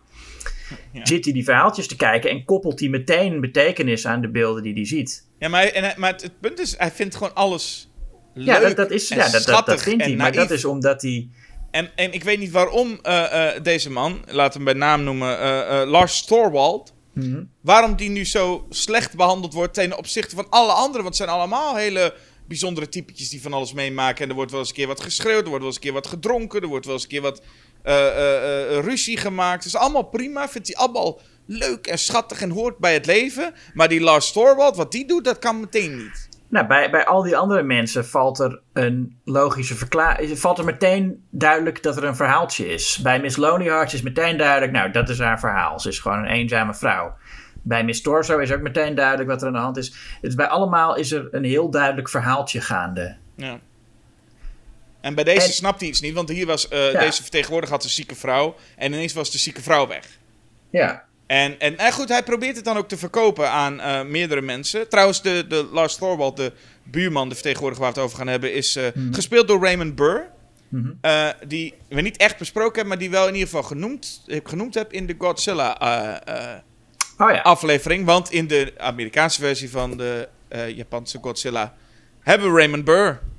Ja. Die de hele tijd gaat reageren op dingen die, waar hij nooit bij geweest is.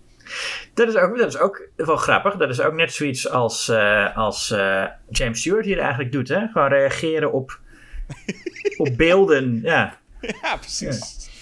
Ja. Oké. Okay. Um, en wat het ergste is nog trouwens, als we deze twee dingen die we net besproken hebben eigenlijk combineren. Dat is namelijk dat James Stewart aan het zoenen is en knuffelen is met Grace Kelly. Hmm. En meteen begint te zeggen: waarom gaat eigenlijk een man met een koffer drie uur, een drie uur s'nachts weg? En, en, en, en, waarom is hij nu overdag thuis als hij moet werken? En dan denk je: nou, hallo, hier zit, hier zit Grace Kelly.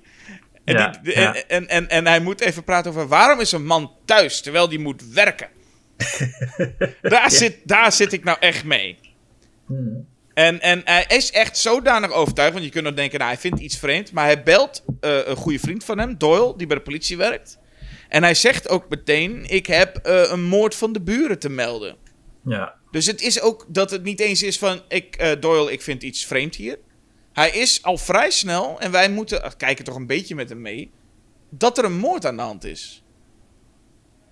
Nou, ja. moord vind ik, ik...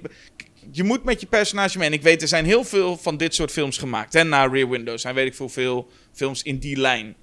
En heel vaak is dan de vraag of je laat alle moord zien. Dus de, de, de persoon heeft een moord, maar heeft geen bewijs. Dus hoe gaat hij dat bewijzen? Of in ieder geval iets wat erop lijkt. En hier is het wel echt op zijn meest minimaal. Mm. Uh, waarbij wij toch echt wel ook, nou ja, net als Stella en Lisa in het begin en Doyle uiteindelijk ook trouwens, in het begin een beetje kunnen denken van, ben je wel helemaal lekker, uh, James Stewart? Ja, nee, maar dat is hij natuurlijk niet. Dat, kijk, hij heeft weliswaar gelijk, maar het moet ook een beetje duidelijk zijn dat het een soort obsessie is voor hem, dit kijken. Hij is fotograaf natuurlijk, dus hij is al heel erg gewend aan, uh, aan ja, beelden maken, beelden interpreteren. En het idee is dat dat, dat, dat toch iets is wat, wat ook te ver kan gaan. Ja, maar hij ja. is overtuigd. Het is gewoon. Hij, ja, dat, hij, dat, dat, dat, is wat ik zeg. Hij is meteen overtuigd, ja. Ja, maar het is inderdaad, hij zegt dan ook tegen, tegen Doyle: zegt hij, Ja, zagen en touwen en messen. En dat is, er is geen, geen andere verklaring. Hij wil gewoon dat Doyle hem nu gaat arresteren. Ja, nou dan zegt dan, maar ik vind ook wel dat Doyle ook niet helemaal lekker is. Want die zegt dan: Ja, jij hebt waarschijnlijk ook wel een paar honderd messen gehad in je leven. Dat is wel veel. Een paar, paar, wie heeft er een paar honderd messen gehad? Ja, ik weet niet wat Doyle ermee doet. Misschien iedere keer als hij hem gebruikt heeft, gooit hij het weg. Dat hij denkt dat het zo werkt.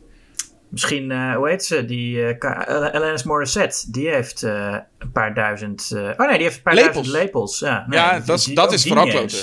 Ja. Die had een mes nodig. ja.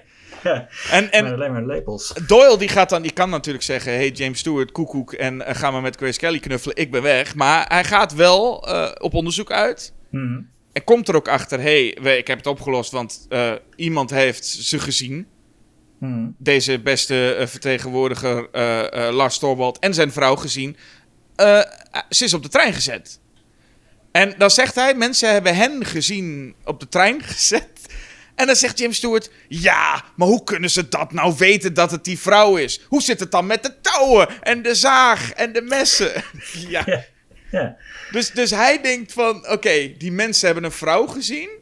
Hoe kunnen ze nou weten dat? En ondertussen heeft hij zelf echt het slechtste verhaal ooit. Ja. Toch? Dat is, dat is toch geen ja, bewijs? Nee, ik, dat, al, dat, ik, ik had hier wel gewild dat ze nu naar de rechtszaak in gingen. Ja, hoe had je het nou kunnen weten? Ik heb pas bewijs. Touwen, mes, zaag. Nou ja. ja, nee, ja, dat, dat, dat is allemaal zo, Jasper. Ja, dat is wel allemaal zo, hè? Ja. Dat vind ik gewoon zelf ook leuk om nu aan deze film... Ja, ik, moest toch, ik moet het toch uh, niet voor opnemen. Dus ik vond het wel leuk om een keer zo naar deze film te kijken. Dat je denkt, ik kan er geen enkel moment met James Stewart mee. Ja. En geen enkel moment. Maar ik vind het een hele goede film. Dus zou ik wel voorop stellen. Maar ik kan geen, dit is geen moment dat je met hen mee kan in... Ja, je hebt ook wel gelijk. Dit is echt wat aan de hand hier. Hmm. Nee, maar goed, wat ik zeg, dat is ook wel bewust zo. Dat hij, hij, hij gaat uit van heel weinig. En het, moet, het, is ook, het is ook een ziekelijke neiging natuurlijk. Het is een beetje pervers wat hij doet. Dat zegt ook uh, uh, Thelma Ritter vrijwel meteen tegen hem. Hè? Van uh, op, op gluren staat gevangenisstraf. Ja. ja, hij, hij, is aan het gluren en hij is verhalen aan het bedenken. En dat is een beetje nou, wat wij als, als filmkijker natuurlijk ook doen. Zij het dat, dat de, de, de mensen in de film weten dat wij naar uh, hun kijken. maar Eh, nou, wat ik net zei over dat hij die film zit te kijken en, en dat al die ramen ook de vorm hebben van een filmdoek. En dat die, de mensen daarachter, die kijken ook nooit terug. Dus nooit voel je het gevaar dat er iemand hem gaat aankijken. Omdat je er zo van uitgaat van, nou, hij zit daar gewoon films te kijken, net als ik nu. Waardoor het moment dat uiteindelijk die Lars Thorwald hem aankijkt, maar door de lens terugkijkt, en dat is ook echt een shot in een, in een lens van James Stewart's camera. Eh, dat is een echt een, zo'n schokkend shot eigenlijk. Ik vind dat een van de meest angstaanjagende shots in Hitchcock. Omdat je zo gewend bent om al die verhaaltjes te zien als films. Dat dan opeens ja, de vierde wand gebroken wordt. En iemand terugkijkt. Dit was wel echt inderdaad een heel sterk moment dat, dat voor het eerst Thorwald zo recht in die camera ons aankijkt en dus James Stewart aankijkt. Ja, ja. Ja, die was, en een van de andere die ik daar heel goed bij vond is dat eh, als het hondje wordt gedood Hm.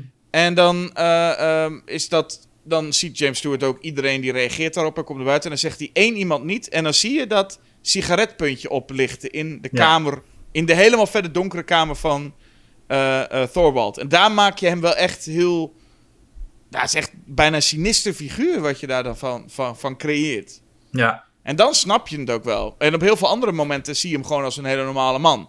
Mhm. En daar is James Stewart. Even, van dat soort momenten heb je even door wat James Stewart volgens mij aan het zien is. Als een soort. Ja, monster. Ja. Alleen Ja. als we er goed logisch bij na gaan denken. Is er geen moment dat we eigenlijk met James Stewart mee zouden moeten gaan.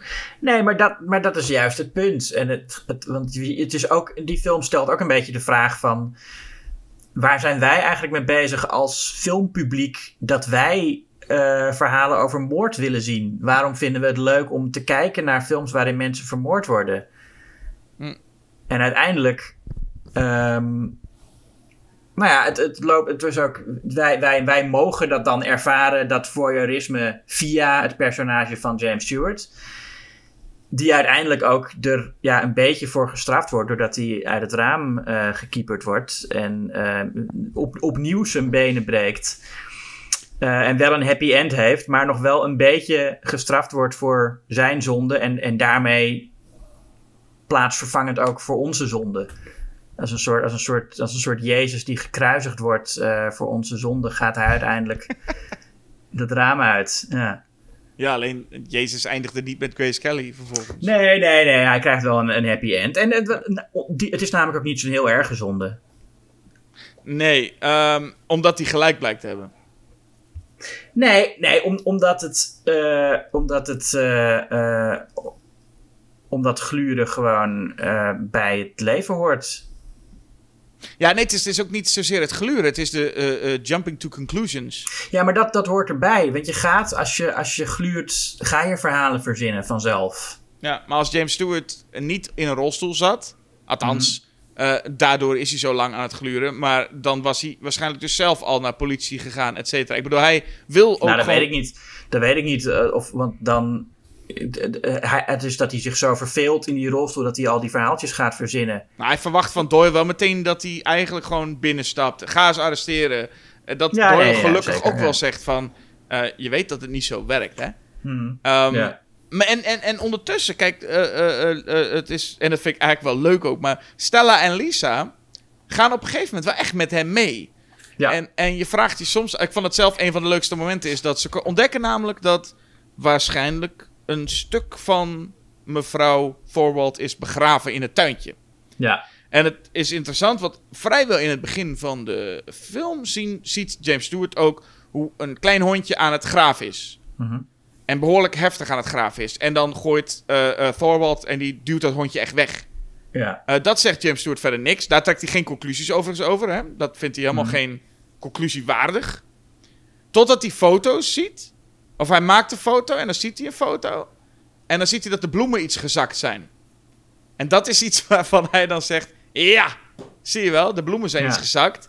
En het leukste vind ik dat Stella en Lisa dan ook gaan meedoen... en dan met elkaar zo'n dialoogje hebben van... eh, oh, ik zou Miss Thorwald wel een keer willen ontmoeten. Ja, heb je toevallig een schep? Dat, dan gaan ze Ja. er zo in mee. En dat vindt James Stewart het zelfs even te ver gaan. Dat hij zegt, wow, wow, wow, gaan jullie niet iets te ver? Het grappigste vind ik als, als James Stewart zegt van er ligt iets begraven onder die bloemen. Dat Grace Kelly dan zegt Mrs. Thorwald. En dat Thelma Ritter daar dan meteen aankijkt van nee, Dommy, dat, zij is veel te groot om onder die bloemetjes te passen. Maar ik vind het zo mooi, zo'n een beetje zo'n zo mooie domme opmerking Ja. van Grace Kelly of zo. Ja. Mrs. Thorwald. Ja, en ik, ja, gewoon, ik vind het al leuk hoe zij daarmee... Mee, ehm, op een of andere manier heb ik het gevoel dat zij gaan... De, ik, bijna alsof ze het voor de grap doen. Hmm. Dat ze er helemaal in meegaan, zodat James Stewart ook eens een keer kan horen hoe dom dat eigenlijk allemaal klinkt. Volgens mij is het niet helemaal zo, maar het is wel dat zij dan... Oh, oh, ik vind het eigenlijk wel grappig. Zullen we maar een beetje meegaan in die stomme fantasie van hem? En dat hij dan ook een beetje begint te denken van... Nou, ja, nee. Ja, misschien is het ook niet zo... Want ze gaan uiteindelijk wel mee. eh, en gaan ook echt graven. Hmm. En, en, en, en, eh, Grace Kelly, Lisa, die, die gooit er nog een schepje bovenop. Eh, die, gaat het, eh, die gaat het appartement in. Ja, nou, ze heeft al eerder daar een, brief onder de deur eh, doorgeschoven. Hè? Ja, wat Eh, heb je met je vrouw gedaan? Ja, en dat is het, het moment dat zij zich voor James Stewart ook bewijst als een geschikte partner voor hem. Want hij, ze stopt die brief daar onder die deur door en dan rent ze weg. En dan komt ze binnen en dan is ze helemaal van heel enthousiast van wat, wat, wat, wat zei hij? Wat, hoe, hoe Niet wat zei hij, maar hoe keek hij toen hij die brief eh, zag? Ja. En dan zie je een prachtig shot van James Stewart die voor het eerst echt verliefd naar haar kijkt. als, hij, eh, als hij haar zo hoort. Dat vind ik zo mooi. Dat is echt het mom- het moment dat hij eh, overtuigd raakt van haar. ja, precies. Dat hij echt denkt, oh, wij hebben een toekomst. Dat we samen met z'n tweeën overal rond kunnen kijken... en mensen meteen kunnen beschuldigen van dingen. Ja, Ja. ja. Die twee moet je echt niet in een park hebben. Nee. Meteen, iedereen die samen zegt, eh, ja, die, die zal wel een massamoordenaar zijn. Maar die... ehm, en, en, en, en Grace Kelly gaat ook nog een stapje verder, want die begint met de eigen theorie. En dat is de theorie. Ik weet niet of het lichtelijk, dat zal ongetwijfeld ook iets gedateerds hebben, maar het is ook een beetje een klote theorie met, wacht even, haar trouwring. Als die trouwring nog in zijn appartement is, dan is ze gewoon vermoord. Dat is eigenlijk de conclusie, toch? Ja. ja, ze heeft al eerder van een vrouw heeft een favoriete tas die ze nooit achterlaat. En dan is het inderdaad van, ja, die trouwring, die eh, zou ze nooit afdoen. Nou ja, ik denk dat het tweede is, is op zich, ja, waar, waarom zou je je trouwring afdoen als je een trouwring hebt? Eh, ja, maar dit, dat, dit, dit hoef je in de, in de rechtbank niet per se te vermelden. Dat nee, mensen nee, nee, het zijn, het zijn geen, nee, nee. is ze vermoord? Nou ja, en voor haar is dat ook wel een theorie. Dus dan is Mhm. het een soort van, oké, eh, als we dat nou eens gaan opzoeken. En dan, eh, nou best wel een spannend moment trouwens, dat als zij in het appartement zit... en je op een of andere manier denkt, nou, ze komt er wel op tijd uit... maar Thorwald komt er weer terug. En dan Thorwald treft eh, Grace Kelly daar aan. Ja, want, ze waren, want, want James Stewart en Thelma Ritter waren afgeleid door Miss Lonely Hearts, die een zelfmoordpoging eh, ondernam. Dat zagen ze dat hij op een gegeven moment heel veel slaappillen aan het neerleggen was op het nachtkastje. Want Miss Lonely Hearts had net een, eh, ja, een date gehad waarbij ze eh, nou ja, te maken had met eh, zeer grensoverschrijdend gedrag. Mhm. En, en, en nou ja, daar echt volgens mij dan tot het punt komt van... Oké, het loopt echt nooit goed met mij af en ik ga mezelf van kant maken. Mhm. En daar waren ze inderdaad door afgeleid. Terwijl ondertussen dus inderdaad Thorwald al terug aan het komen is. En ja, Grace Kelly nog steeds in dat, op zoek is naar die trouwring. Ja. En het is echt spannend als je dan ziet dat Thorwald binnenloopt. Want het is daar, en dat is in tegenstelling tot Shadow of Doubt, waar kun je twijfels hebben van zou, zou die oom Charlie echt een moordenaar zijn. Maar hier heb je echt die twijfel. Toch? Want hier heb je echt geen idee of, of, of Thorwald was een vrouw heeft vermoord. Ik Ja. had nog steeds daar zeker... Ik dacht, dit is volgens mij gelul nog steeds. Nou ja, dat, dat ook weer niet, want ik weet dat ik een Hitchcock film kijk. Eh, Maar eh, het is niet dat ik, dat ik verwacht dat het zo zou gaan als in de, de Simpsons parodie op deze film. Eh, waar eh, Ned Flanders eh, blijkt slechts een plant geen water gegeven te hebben, waardoor die is verwelkt. Ehm, de, de- maar ja, de- het, is, het, is, het is een spannend moment. Ja. Ja, en een spannend moment. En voor, extra spannend. Omdat dus, nou, wat de hele stijl van de film is. Het alleen maar vanuit de positie van James Stewart is. Dus je hebt al dat punt dat hij zich. Hij voelt zich echt hopeloos. Want hij kan natuurlijk niks doen. En hij ziet hoe zijn vriendin daar aan de overkant van de straat door elkaar wordt geschud door deze Thorwald. Waarvan hij stellig overtuigd is dat de moordenaar is zelfs. Ja. Ehm, en dat je dat dan inderdaad ziet. Je hoort het amper. Je hoort alleen Grace Kelly af en toe echt schreeuwen. Maar je hoort verder niet wat daar gezegd wordt. Je hoort niks. En je ziet het van een afstandje. Maakt het eigenlijk nog veel spannender. Ja, zeker. Ja, en je, en, je, en je zit inderdaad met hun te bedenken wat is Grace Kelly aan het vertellen. Uh, want ja, de, de, politie wordt erbij gehaald. Nou, dan weten we niet wat ze aan het zeggen zijn. En dan moeten we dat ook een beetje gaan invullen. En dan blijkt dat zij dus die trouwring gevonden heeft. En die laat ze even achter de rug zien aan uh, James Stewart. Ook een, een, gelijkenis met Shadow of a Doubt. Een trouwring die gebruikt wordt om uh, iets belangrijks mee te communiceren. Dat de hoofdpersonages dat zien en meteen genoeg weten. Die weten hoe het zit. Ja. Um, Thorbot komt hem opzoeken. Ja. Ja, hier is toch het moment waar we het even over moeten hebben. um, James Stewart valt dus inderdaad uit het raam.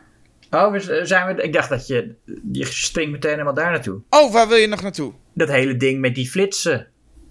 Ik dacht dat je daar ook. Oh ja, die, nee, nee, check, ja, check. Nee, daar moeten we het inderdaad eerst nog even over hebben. Nou, wat, wat ik apart vind aan de scène is. Het is heel spannend, vind ik, hoe James Stewart daar in zijn rolstoel rondrijdt en denkt: wat moet ik doen, wat moet ik doen, wat moet ik doen? En dan gaat de deur open en dan zie je daar het silhouet van Thorwald. Uh, dat vind ik allemaal super spannend. Ja. En dat hij er is. En, maar dan zegt hij opeens: Wat wil je van me? Ik heb weinig geld. En dan, uh, dat neemt toch een beetje van de spanning weg dat hij, het lijkt alsof hij wil onderhandelen. En dat hij niet meteen uh, uh, James Stewart wil vermoorden. Ja, dat is, dat is het grappige, want inderdaad, Thorwald staat daar als een of andere, het monster van Frankenstein, staat ja. hij daar. En dan zegt en, maar het is inderdaad gewoon van, ik wil graag even die ring terug. En ik ja. wil verder, ik, ik, heb, ik heb geen geld, dus wat wil je van... Nee, precies, dus het is ineens gewoon een normale, een normale man. Dat is wat hij is. Ja, en kijk, Stuart zou nu kunnen zeggen tegen hem van... Uh, nou, ik wil dat je me die, die 100 dollar geeft. Want je zei dat je maar 100 dollar had. Ik wil die wel hebben en dan uh, uh, is, het, is het klaar. Zou die, zou die kunnen liegen, hè? Ja. Nou ja, ik weet niet of, of dan het gevaar meteen geweken is. Ik denk dat Thorwald hem dan misschien alsnog wel uit het raam wil kieperen. Ja. Maar ja, hij zei, het, het, ik, ik vind het toch, het, het, het, neemt iets van de spanning weg dat Thorwald daar komt uh, en, en praat. Ja, maar het voelt toch als, ja, dat, hij, dat Hitchcock ook de hele tijd Thorwald gewoon wilde neerzetten als een normale man.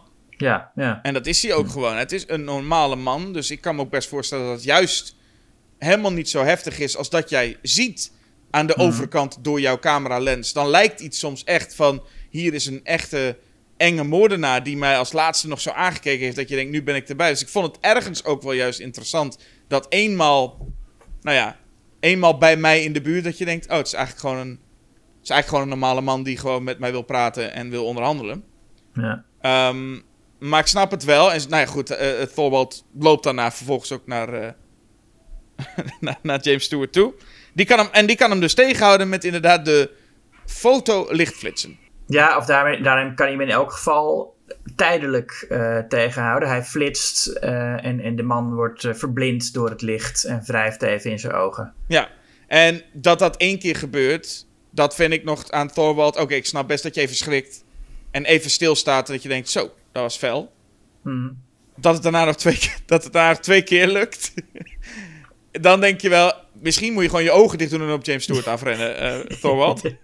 ja. Dit was nou niet, ja. dit, dit, dit soort, het een soort van lichtkracht of zo die je hebt. Hè? Bijna superpower lijkt het. Dat iedere keer zo'n flits en dan wordt hij bijna tegengehouden als een soort force field. Ja. Maar het gewoon, hij wordt verblind. Maar ik wilde even inderdaad naar het moment dat hij hem dan uit het raam ook gooit. Um, ja, dat is een beetje... Nou ja, maar het is wel natuurlijk thematisch een, een ding. De, hè, dat, dat, dat het, het verlichten en... Uh, ja, James Stewart uh, verlicht wat hij ziet uh, en daarmee heeft hij Thorwald te pakken gekregen. Hè? Dat met, zijn, zijn blik is de reden dat Thorwald er niet mee wegkomt. Dus dat is een soort thematische afsluiter van dat idee. Dat hij hem dan met die lichtflitsen weet te vertragen. Zeker, wordt, wordt er niet minder knullig om. Nee, vind ik, nee, ik vind het ook vrij knullig hoor, wat daar gebeurt. En dat hij dan ook nog eens een, uh, nou ja, een James Stewart pop het raam uit uh, gooit. Nou, het is volgens mij niet eens een pop, dat dacht ik dus. Maar het is dat effect wat... Ja, wat, wat, ik weet echt niet precies hoe het gemaakt is, dus op zich. Maar het is dat effect dat James Stewart losgeknipt is van de achtergrond. Ja, En dat het, het, het lijkt, je zou bijna zeggen vroege CG, maar met, met een greenscreen-achtig... Want nee, dat is wat dus bij Psycho ook was, hè? Die, die detective die van de trap flikkert. ja. Dat je echt wel denkt, dit is helaas... Dit, dit is echt iets wat niet, niet, niet meer... Dit, dit kan niet meer. Ik vind, er zijn Nou, genoeg effecten in films waarvan ik denk, dit kan, dit kan nog prima. En ik had dus in mijn hoofd, in mijn herinnering, een pop van James Stewart. ja. Maar ik denk dat dat bijna nog iets beter kon dan dit. Het is echt zo'n raar effect. En vooral wat ik, wat ik, waar ik me vooral een beetje aan stoor, is die, al die mensen die zo versneld aankomen rennen. Hmm. Dat maakte het alles bij elkaar. Zo versneld komen mensen aanrennen. En ik, hou zo, ik haat sowieso al die versnellingen die vaak in films zitten. En dan die, dat effect van James Stewart. Het is allemaal... Ook, er zit dus natuurlijk geen muziek in. Want dat is een stijlkeuze die de hele film heel effectief is. Maar hier, alles bij elkaar maakte dat einde een beetje... eh, nou ja, laat het gewoon knullig eigenlijk. Ja, vooruit. Nee, dat- dat is, dat is een, een beetje een knullige finale. Maar goed, wat eraan vooraf is gegaan, Jasper, Ja, is, dat is eh, eh, toch wel... eh, ja, is zeker... ehm, als niet de beste film van Hitchcock, dan toch in elk geval een van de drie beste films die hij ooit gemaakt heeft. Om maar eens een arbitrair getal te noemen. Ja. Ehm, ik vind het eh, ja, e- e- sowieso een van zijn spannendste films, een van zijn leukste films. Ook een van zijn meest, nou, je zei het al, fijne, broeierige zomerfilms. Ik hou sowieso erg van films waarin je veel weet over het weer. Ik heb met de, in, in de winter altijd zin om The Thing te kijken en in de zomer altijd zin om, eh, om eh, deze film te kijken. Ehm, en ik vind het een van zijn spannendste en een van zijn meest thematisch rijke films. Ehm, dat alles, Dat alles. vind Is, ik. is dit, En, en ik vind het ook, ik vind ook de, de, de, de liefde die opbloeit tussen eh, James Stewart en Grace Kelly hierin. eh, een van zijn, zijn beste eh, ro- romantische eh, verhaallijnen. Hm. En het eindigt nog met een. eh, want dat, dat zij weliswaar eh, ehm, wel mee wil met zijn avontuurlijke leefstijl. Maar als ze dan ziet dat hij in slaap is gevallen, dan legt ze haar. Dan legt ze dat avonturenboek weg hè, met, de, de- met, met foto's en zo. En, en dan gaat ze een, eh, een, eh, een, eh, modeblad lezen. ja, een beetje ook onder het mom van... Jij gaat, ook toch, jij gaat toch ook nergens heen, eh, meneer Stewart? Ja, ja. En, en we hebben nog de eindes van alle andere verhaaltjes gezien. Dat moeten we ook nog even zeggen. Oh ja, want het, het, nou, het is eigenlijk bij, voor sommigen ook niet... eh, sommigen een positief einde. Mhm. Want de, de, de, de eenzame vrouw en, de, en de componist die komen samen. Ja, dat is wel, want dat, toen zij zelfmoord wilde plegen, hoorde ze hem muziek maken en keek ze op. En toen zei eh Thelma Ritter meteen: Ja, Het is die muziek waardoor ze. ja dat Het niet ik, gaat doen. Nee, dat was, ook een beetje, dat was ook een beetje stom, vond ik. Nou ja, nee, maar dat is. eh, Ja, dat- Ik vind het wel nee. mooi dat dat gebeurde, maar het is meer dat Ook- ze dan zo meteen die zin erbij... Oh, het is de muziek! En dan denk ik, ondertussen wordt Grace Kelly volgens mij gewurgd. Ja. nee, maar, het, maar dan zie je ook dat ook Thelma Ritter gewoon eh, eh, mee is gegaan met James Stewart zijn idee van alles wat we zien moeten we meteen kunnen, kunnen uitleggen als een verhaaltje. Ja. Nou ja, Soms, is het, je- soms is het puur dat het hardop uitgesproken wordt. Dat het, eh, ja nee, het is, het is ook een beetje knullig natuurlijk. Dat Maar het is wel mooi. Ik gun het de eh, Miss Lonely Hearts wel. Ja, ik gun het ook Miss Torso wel dat uiteindelijk haar, haar eh, vriend of ja, Man. man, man eh, eh, thuiskomt. We hebben de hele tijd zien... Maar dat is ook wel een beetje me afvroeg. Want ze hebben de hele tijd zitten dansen met allemaal mensen. Mhm. Maar moeten we nou er extra vanuit gaan dat Miss Torso heel vaak vreemd is gegaan? Of moeten we juist ontdekken... Oh, dat is helemaal niet wat er aan de hand is. Ze, heeft, ze is gewoon eigenlijk... Ze heeft gewoon één en dezelfde vriend. Nee, ze heeft één vriend en die zat in het leger en die komt weer thuis. En Maar ze heeft wel Ze- van alles gedaan terwijl hij afwezig is. Dus dat, ja, dat is wel ze heeft zich vermaakt. Kom op Jasper, dat moet toch kunnen. Nee, maar ik bedoel, in hoeverre heeft ze zich vermaakt? Is, eh, Nee, ik- denk niet dat ze naar bed is gegaan met die andere mannen. Ze heeft gewoon leuke feestjes gehad. Ja, leuke feestjes. Nee, oké, maar dat is toch wat anders dan dat, eh, dat ze heeft lopen flikvlooien met Jan en Alleman. En dat haar, eh, nou ja... Ja, vriend- ze heeft wel gezoend met die ene gast, toch? Op het balkon. Ja. Nou ja, de, in ieder geval de, de, het verhaal, wat ik in ieder geval wat je doorkrijgt, is dat ze met eh, dat, dat, dat er orgies van heb ik jou daar hebben plaatsgevonden. Nee, er zijn geen orgies geweest. Nou, misschien heeft ze het af en toe met iemand gedaan. Maar Nee, ja. maar je ziet, ik bedoel toch, het, die eh, vrouw ja. met allemaal verschillende mannen zijn daar steeds ook tegelijkertijd in huis. En ik ga ervan uit dat dan je fantasie ook van James Stewart dan eh, op hol slaat. Nou, ik denk niet dat daar eh, eh, eh, gangbangs hebben plaatsgevonden, Jasper. Laten we het een beetje beschaafd houden. Nee, maar die vertegenwoordiger Ik, heeft wel meteen zo'n vrouw vermoord. Nee, ik denk dat zij gewoon het leuk heeft gehad met mannen. En af en toe heeft ze er eentje gekozen uit het. Maar ja, kijk, die mannen. Je gaat, je gaat ook niet alleen maar met een leuke vrouw mee naar huis. omdat je seks wil of zo. Er zijn andere redenen, toch? Om het gewoon gezellig te hebben. Ja. Ja, zij heeft gewoon van alles gedaan. En die, en die vriend die weet daar niet van natuurlijk. Maar ja, dat is, dat is verder prima zo. Nee, echt, echte liefde, Julius, is Ja. samen slapen op een balkon.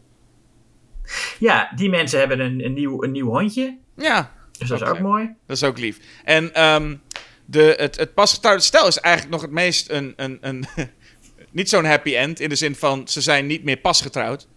Ze zijn getrouwd.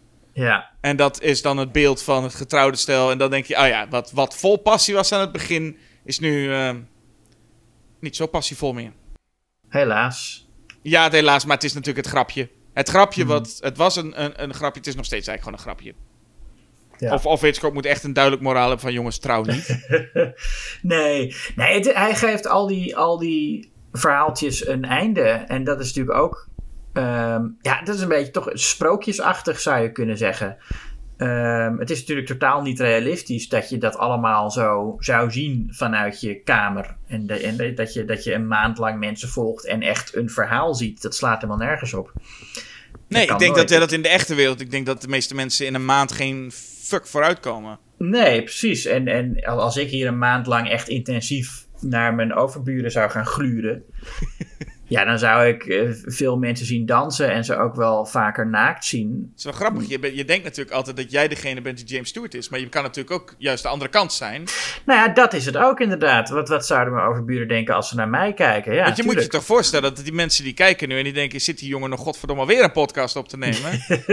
Hoeveel Ja. jaren gaat dat nog door? Zit hij met een koptelefoon op in een microfoon te praten? jongen, jongen. Ja. Ja, nee, wat zullen die... die nee, maar dat is, dat is natuurlijk ook de vraag die hier eh, in de film gesteld wordt. Van wij denken dat we James Stewart zijn, maar er kan ook naar ons gekeken worden. Eh, dat is een beetje het goocheltrucje wat Hitchcock ook doet met die blik van, eh, van Raymond Burr in de camera. Ja. Dus, maar nee, maar dat, is de, dat, dat vind ik dus een, iets het, het mooie aan Rear Window. Dat je geconfronteerd wordt met het feit dat je een film aan het kijken bent. En allerlei vragen st- ge- gesteld krijgt over waarom koppelen we betekenis aan die beelden. Waarom willen we overal een verhaal inzien. Eh, en waarom houden we van dit soort verhalen? Jij hebt net een, betoogje gehouden over Real Window, maar is dat in zekere zin een antwoord op de vraag? En zo niet, dan stel ik hem nog één keer. Ik geef jou de keuze Shadow of Doubt en Rear Window. En dan wil ik weten... Ik wil weten waarom Rear Window en eigenlijk waarom Shadow of Doubt weg moet. Ja, nou ja, wat ik in elk geval kan zeggen is dat ik de, de romance in Rear Window geslaagder vind dan in eh, Shadow of a Doubt. Ehm, Nou, ligt ook- welke? Charlie en Charlie? Of- Ja, nee, oké, dat is zo. Daar heb, jij, heb, jij, heb jij weer een punt. Maar nee, wat, ja, ik, ik heb alles al gezegd. Ik, ik hou van eh, een, een lekker broeierige zomerfilm. Ik kan hem ook... eh, ik denk dat het een, een van de films is die ik het vaakst heb gezien. En ik kan hem zo weer kijken. Ehm, ja, ik, da- ja, ja, ik, ik, ik heb net alles al gezegd. Dus, dus waarom zou jij in godsnaam nog eh, Shadow of a Doubt willen bewaren? Nou, ja, goed. Beide hele goede films, maar... Absoluut. Ehm, ik denk dat ik, wat ik zo leuk vind aan eh, Shadow of a Doubt is dat naast het vrij eh, spannende moordmysterie gebeuren, wat Hitchcock dus heel goed kan, is dat dat, dat knusse gezellige, wat bij Rear Window dus in die buren een beetje zit. Hmm. Ehm, en wat hier gewoon midden in die familie zit. Nou, ik vind, wat je noemde net ook van Frank Capra, eh, Arsenic en Old Lace. En dat vind ik ook zo'n fijne film om gewoon in dat familietje daar, daar een beetje dat huis rond te hangen. Ja. En dat heb ik hier ook, dat ik in dat huis het heel erg leuk vind. En ik had het niet erg gevonden als, het, als, als Joe en, en, en Herb en hun boekrecensieclubje, als dat nog een tijdje langer doorging. Dat vind ik zo gezellig en zo leuk om naar te kijken. En ondertussen een film die, nou ja, we hebben niet echt gesproken over het acteerwerk. Ik heb, James Stewart is goed natuurlijk, maar ik vind Joseph Cotton in, in, in a Doubt een enorm sterke rol spelen. En Theresa Wright als Charlie. Dus de twee Charlies, laat maar zo zeggen, echt heel sterk. Ehm, en, en misschien verrassender dan James Stewart en, en Grace Kelly, die gewoon allebei ja, goed zijn, want dat wisten we al. Oké. En, en het, het, is, weet je, het is ook gewoon het... En dat, zul, dat zullen de meeste schokkend nieuwsluisteraars beamen en vaak ook wel vinden. Ja, het is ook zo'n veilige keuze, Rear Window, hè. Neem het eens op voor, neem het eens op voor een, een, een, een wat minder... Hoewel, ik merk toch, als ik de... eh, als wij op sociale media en zo mensen reageren over welke zij moeten kiezen... Er is altijd dat hele groot deel dat zegt... Ja, eh, dit is appels en peren vergelijken. Of ik kan Ja. niet kiezen. Of Ja. beide. Maar goed, als ze dan kiezen, vind ik toch dat ze vaak wel voor de... Nou ja, ze gaan niet zo vaak voor de underdog als ik toch zou denken. Nee. Dat Ja. gevoel heb ik. Dat ze toch Nee, vaak ja, ja. kiezen voor waarvan, waarvan ik denk... Oh, ik had altijd wel verwacht. Dus ik ben bij deze uiteraard weer heel nieuwsgierig... als we Rear Window, Shadow of Doubt... Hoeveel mensen zouden toch voor Shadow of Doubt gaan? Vraag me af. Want ik, die zie ik wel een beetje als underdog in dit verhaal. Ja, ze, ja dat, dat is hij ook wel inmiddels wel eh, eh, eh, geworden, inderdaad. Het is een, een, een, een film die, als je het nu hebt over Hitchcock, minder snel ter sprake komt dan toen Hitchcock zelf nog leefde. Maar ehm, dat is jammer Ja. dat dat zo is. Het, het, is- het is zeker een film die absoluut tot zijn beste werk behoort. Eh, ja, Ergens is jammer. Verder hoeft Hitchcock niet bang te zijn dat zijn naam in ieder geval snel in de vergetelheid raakt. Eh, Nee, dus nee, ik denk nee. dat de meeste van zijn films wel redelijk safe zijn om op een of andere manier nog wel eens een keertje boven water te komen als... hey, dit was toch ook wel een goeie. Frenzy was toch eigenlijk wel een hele goeie, zoiets. The Trouble with Harry is ook een heel goede eh, onder, ondergewaardeerde Hitchcock. Precies. Ik heb The Birds wel het idee dat die een beetje... En dat, dat vind ik ook... Ja, ben ik ook Die niet... is ook niet zo goed, vind ik. Nee, precies. Dat heb ik dus ook een beetje. Dat hij heel bekend is vooral. Ja, en dat is ook weer zo'n film waar hij gebruikt in die film ook geen muziek. En daar is het echt eh, een, een groot nadeel. Ehm, hij wil dan met, met het geluid van die vogels en zo, wil hij een soort, dat, dat, net, net zoals hij in Rear Window eigenlijk doet. Maar eh, nee, in Birds vind ik dat echt niet werken, die, de, de keuze om helemaal geen muziek te gebruiken. Nee, en het is ook een film die echt het eerste uur, echt echt het uur gaat over een vrouw die echt met, met volle overgave twee kanaries wil bezorgen bij een man die ze niet kent. Ja. Maar echt zo fanatiek. Ja. En dan inderdaad, na dat uur gaat, eh, eh, gaat volgens mij dus, breekt de hel pas los met die vogels. Maar goed, het is inderdaad net als Psycho, is The Birds echt een van zijn bekendste. Maar eh, Psycho is daar wel weer een hele goede film en The Birds niet zo. nee. Maar alsnog, hij, eh, hij kon wel wat hoor, die Hitchcock. Ja, oh ja, hey, hallo. Hallo. Eh, stel je voor. Ja, ehm, nou, ik, dus, eh, we hadden het al gevraagd. Dus luisteraar, zeg maar welke Hitchcock je zou kiezen als je moest kiezen tussen Rear Window of Shadow of Doubt. Of welke Hitchcock je überhaupt zou kiezen. Ja, en, en niet weer zeggen van, oh, wat hebben die twee nou met elkaar te maken? Want dat had, had, had iemand gezegd bij eh, de vorige Inglourious Basterds versus To Be or Not To Be. Ja, dat is een groot vraagteken als je bij die twee films ook zegt. Ja, die hebben toch niks met elkaar te maken. Ja, maar, hij, die, maar iemand zei ook, het enige is dat ze allebei in de Tweede Wereldoorlog zich afspelen. Ik denk, nou, hebben wij in die aflevering zoveel ge- thematische gelijkenissen opgenoemd. En, en, ge- en, en, en nou ja, dan heb je, heb je, heb je gewoon, dan moet- heb je, heb je niet geluisterd. En als je niet geluisterd hebt, Inglourious Bastards tegen eh, To Be Not To Be hebben meer met elkaar gemeen dan Rear Window en Shadow of Doubt, denk ik zelfs. Zo is dat.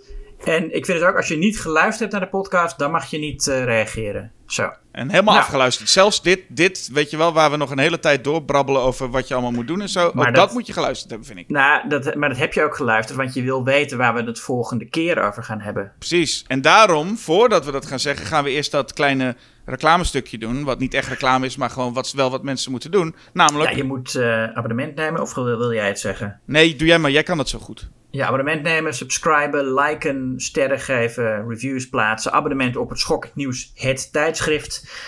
En de website schokkendnieuws.nl eh, elke dag tenminste één keer bezoeken. En volg ons op Facebook en Twitter en Instagram. Ehm, Je wordt er steeds beter in, dat riedeltje, weet je dat? ja, dank je. Eh, we gaan dan door naar de volgende keer. Mhm. Eh, we hebben al eens eerder gezegd dat we de, de, de reguliere podcast weer een beetje een, een, een slinger aan het geven zijn. En de volgende aflevering die je dus van de podcast gaan krijgen is de vijftigste. Ehm, Mhm. Dus dat is heel wat. ja, In, in- de vijftigste van de reguliere dan, hè? ja, want met Julius Vers Jasper lopen we al tegen de... gaan we al richting 100 zo ongeveer Oei, oei. nu. Dus Ja. daar hebben we de 50 al gehad, hebben we uitgebreid gevierd. Dat weet iedereen ongetwijfeld nog hoe we dat gevierd hebben. Eh, maar nu komt van de 50ste reguliere aflevering. Nou, gaan we ook wel even iets bijzonders mee doen. Aha. Ehm, en daarna zijn we weer terug met eh, een Julius versus Jasper natuurlijk. Ja, en welke? Ja, nou, want eh, jij noemde net, hè, in de winter krijg je, krijg je, kijk jij graag The Thing. En in de Ja. zomer krijg je graag Rear Window. Ja. Wat kijk jij dan graag in de herfst? Ehm, Halloween films. Ik, ik, ik wou een, een soort grappig onverwacht antwoord eh, geven, maar nee. Wat je grappigste was Halloween films. ja, nee. Dat is wel leuk. En wat is nou anders, eh, ja. echt een goede Halloween film? Eh, When Harry Met Sally. Kijk, ik geef je toch nog de kans Ja. om zoiets te doen. Ehm, nou, we gaan, weer, we gaan het weer eens hebben over Halloween.